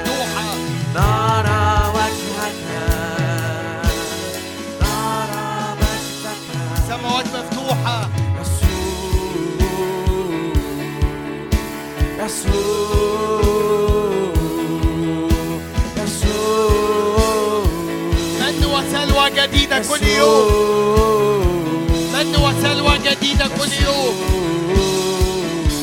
إعلانات جديدة كل يوم حدود جديد كل يوم للرب مقابلات إلهية كل يوم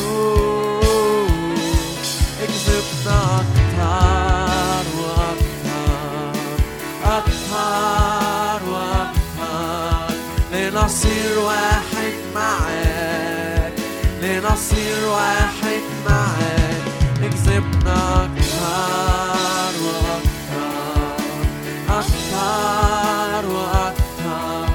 لنصير واحد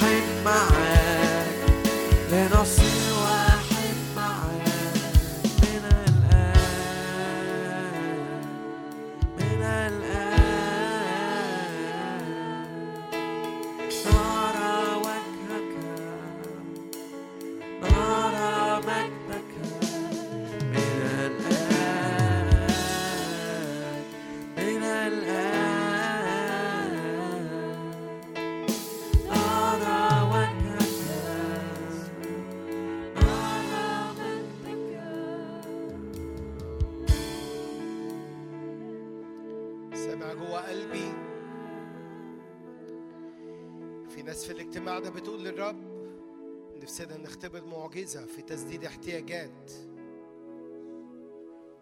الرب بيقول في الزمن ده برسل ملائكتي عشان أسدد احتياجات بطرق معجزية. متقلقش أنتوا عيالي أنا مهتم بيكم.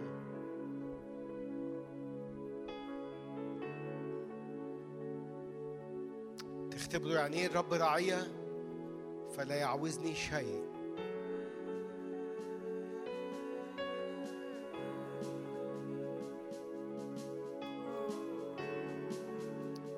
في ناس حمل على كتافها تسديد الاحتياج. الرب بيقول هتختبروا معجزات في الزمن الجاي.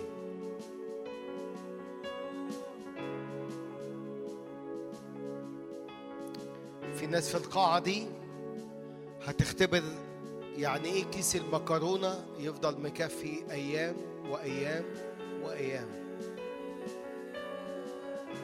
لأن الرب هيخش البيوت دي يعمل معجزة عمركم ما شفتوها. تسديدات بطرق معجزية. اقساط على ناس.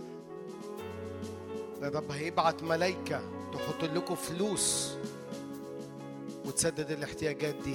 تقلقوش الرب يقول لكم أنتوا عيالي مش هسيبكم محتاجين. لكن سامع جوه قلبي كمان في ناس على اكتافها أحمال خطايا بتقول مش قادرين. الرب بيقول لك وبيقول لك أنا بشيل الأحمال دي النهارده عشان تبقى حر تخرج من الاجتماع ده حر. أنت مش عبد أنت ابن أنت حر. أتقال تقع من على الكتاف في الاجتماع ده في اسم يسوع. أتقال تقف تقع من في الاجتماع ده. لما الرب يبقى موجود في مكان يرفع الأتقال. لأنه قدير لأنه شديد القوة. يرفع أتقال من وسط الاجتماع ده في اسم يسوع. خلينا نعبد ونسبح الرب. خلينا نعلن عن قدرته في وسط الاجتماع ده. خلينا نعلن إنه قدير في وسطينا النهارده. يصنع ببأس في وسطنا. إحنا عندنا إله قدير يصنع ببأس في وسطنا.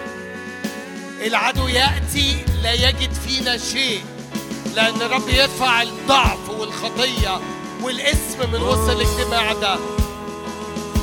لا يبصر اسما في يعقوب. لا يبصر اسما في يعقوب في عياله. ما يلاقيش اسم النهارده لأن يرفع الأحمال لأن الأحمال قد رفعت على الصليب باسم يسوع. كله يرفع في في الاجتماع ده. هو يرتفع في وسطنا ويرفع الأحمال والأتعاب من وسط الاجتماع ده. هو الرب هو القدير هو يسوع هو يخلص في وسط الاجتماع. هو يخلص في وسط الاجتماع.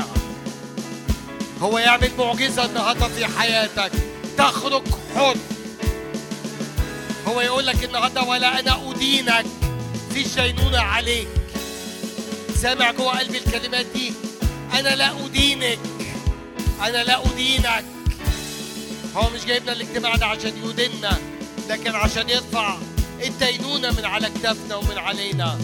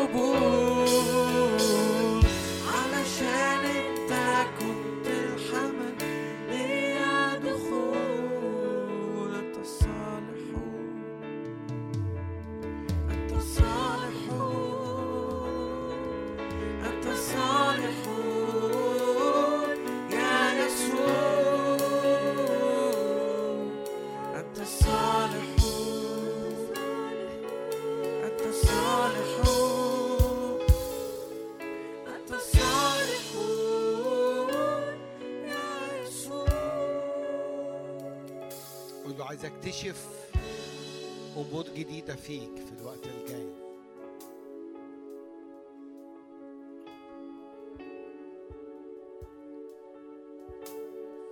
عايز أشوف مجدك إنك تمشيني ألف ذراع جديدة فتدخلني في مية أعمق في معرفة أكتر قلبية مش ذهنية وعقلية لكن أخش أعمق فيك أعمق فيك أعمق فيك. في المشاوير معاك. في سكك اكتشف صلاحك ومحبتك وأبوتك. جودك اللي في حياتي. من النهارده بقول لك مش همشي خطوة من غيرك. بعمل اتفاق معاك مش همشي مشوار من غيرك في الزمن الجاي.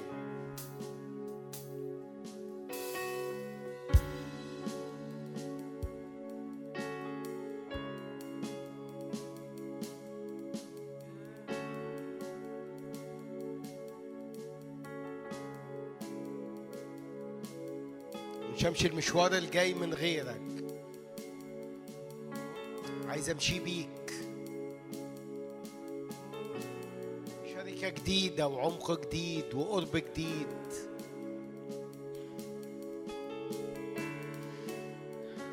ألاقيك بتصحيني بدري عشان أختلي بيك وأقرب منك. وألاقيك قبل ما أنام بتيجي تحضني وتطمن وتطبطب على كتافي. بختبر امور فوق طبيعيه في الزمن الجاي في امور في حياتي ما اختبرتهاش قبل كده.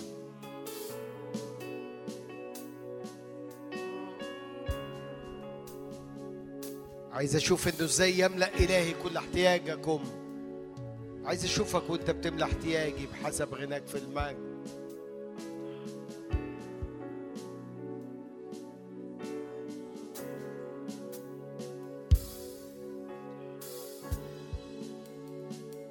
بنحبك. إحنا بنحبك وبنحب حضورك في وسطينا. إحنا بنحبك وبنحب نمشي المشاوير معاك.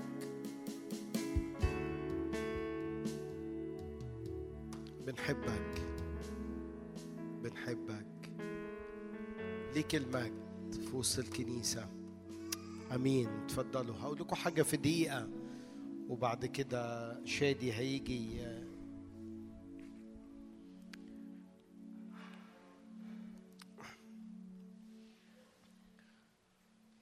أنا متشجع لمشوار بعمله بقالي سنين طويلة إن أنا بعلم كتاب مقدس.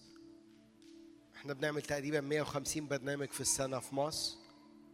تقريبا 10000 واحد بيتدربوا معانا إزاي يدرسوا كلمة الله، ودي أزمة كبيرة مرات بتعدي بينا كمؤمنين وخدام. حلو نسمع وعظ تشجيعي جوه الاجتماعات كل تلات لكن مهم الكلمة ودراسة الكلمة. الكتاب ده من الكتب اللي إحنا بندرسها اسمه التلمذة الحقيقية. عندنا أكتر من 35 كتاب. إحنا في كتب طبعا منها مئة ألف نسخة. يعني مئة ألف واحد درس كتاب من الكتب دي. الطريقة دي اسمها الطريقة الاستقرائية لدراسة الكتاب المقدس. بنتعلم حاجة اسمها الملاحظة إزاي نلاحظ النص الكتابي. فلو بقرأ إنجيل يوحنا إصحاح 3 بقعد أقرأ المقطع كذا مرة. وأسئلة بتتسأل عليه وبطلع أفكار من الملاحظة. ومن خلال الملاحظة بفهم وبفسر اللي أنا قريته لكن في الآخر خالص خالص بقول التطبيق أعيش الكلام ده إزاي؟ بنعمة المسيح هيبقى الوقت الجاي بنتفق أنا وشادي على يوم طويل ممكن نقضيه يوم جمعة ندرس فيه كتب مع بعض ونتلمس فيه مع بعض. أنا مبسوط إن أنا كنت في وسطكم النهاردة. أفو كنت أدرس درس من الدروس دي.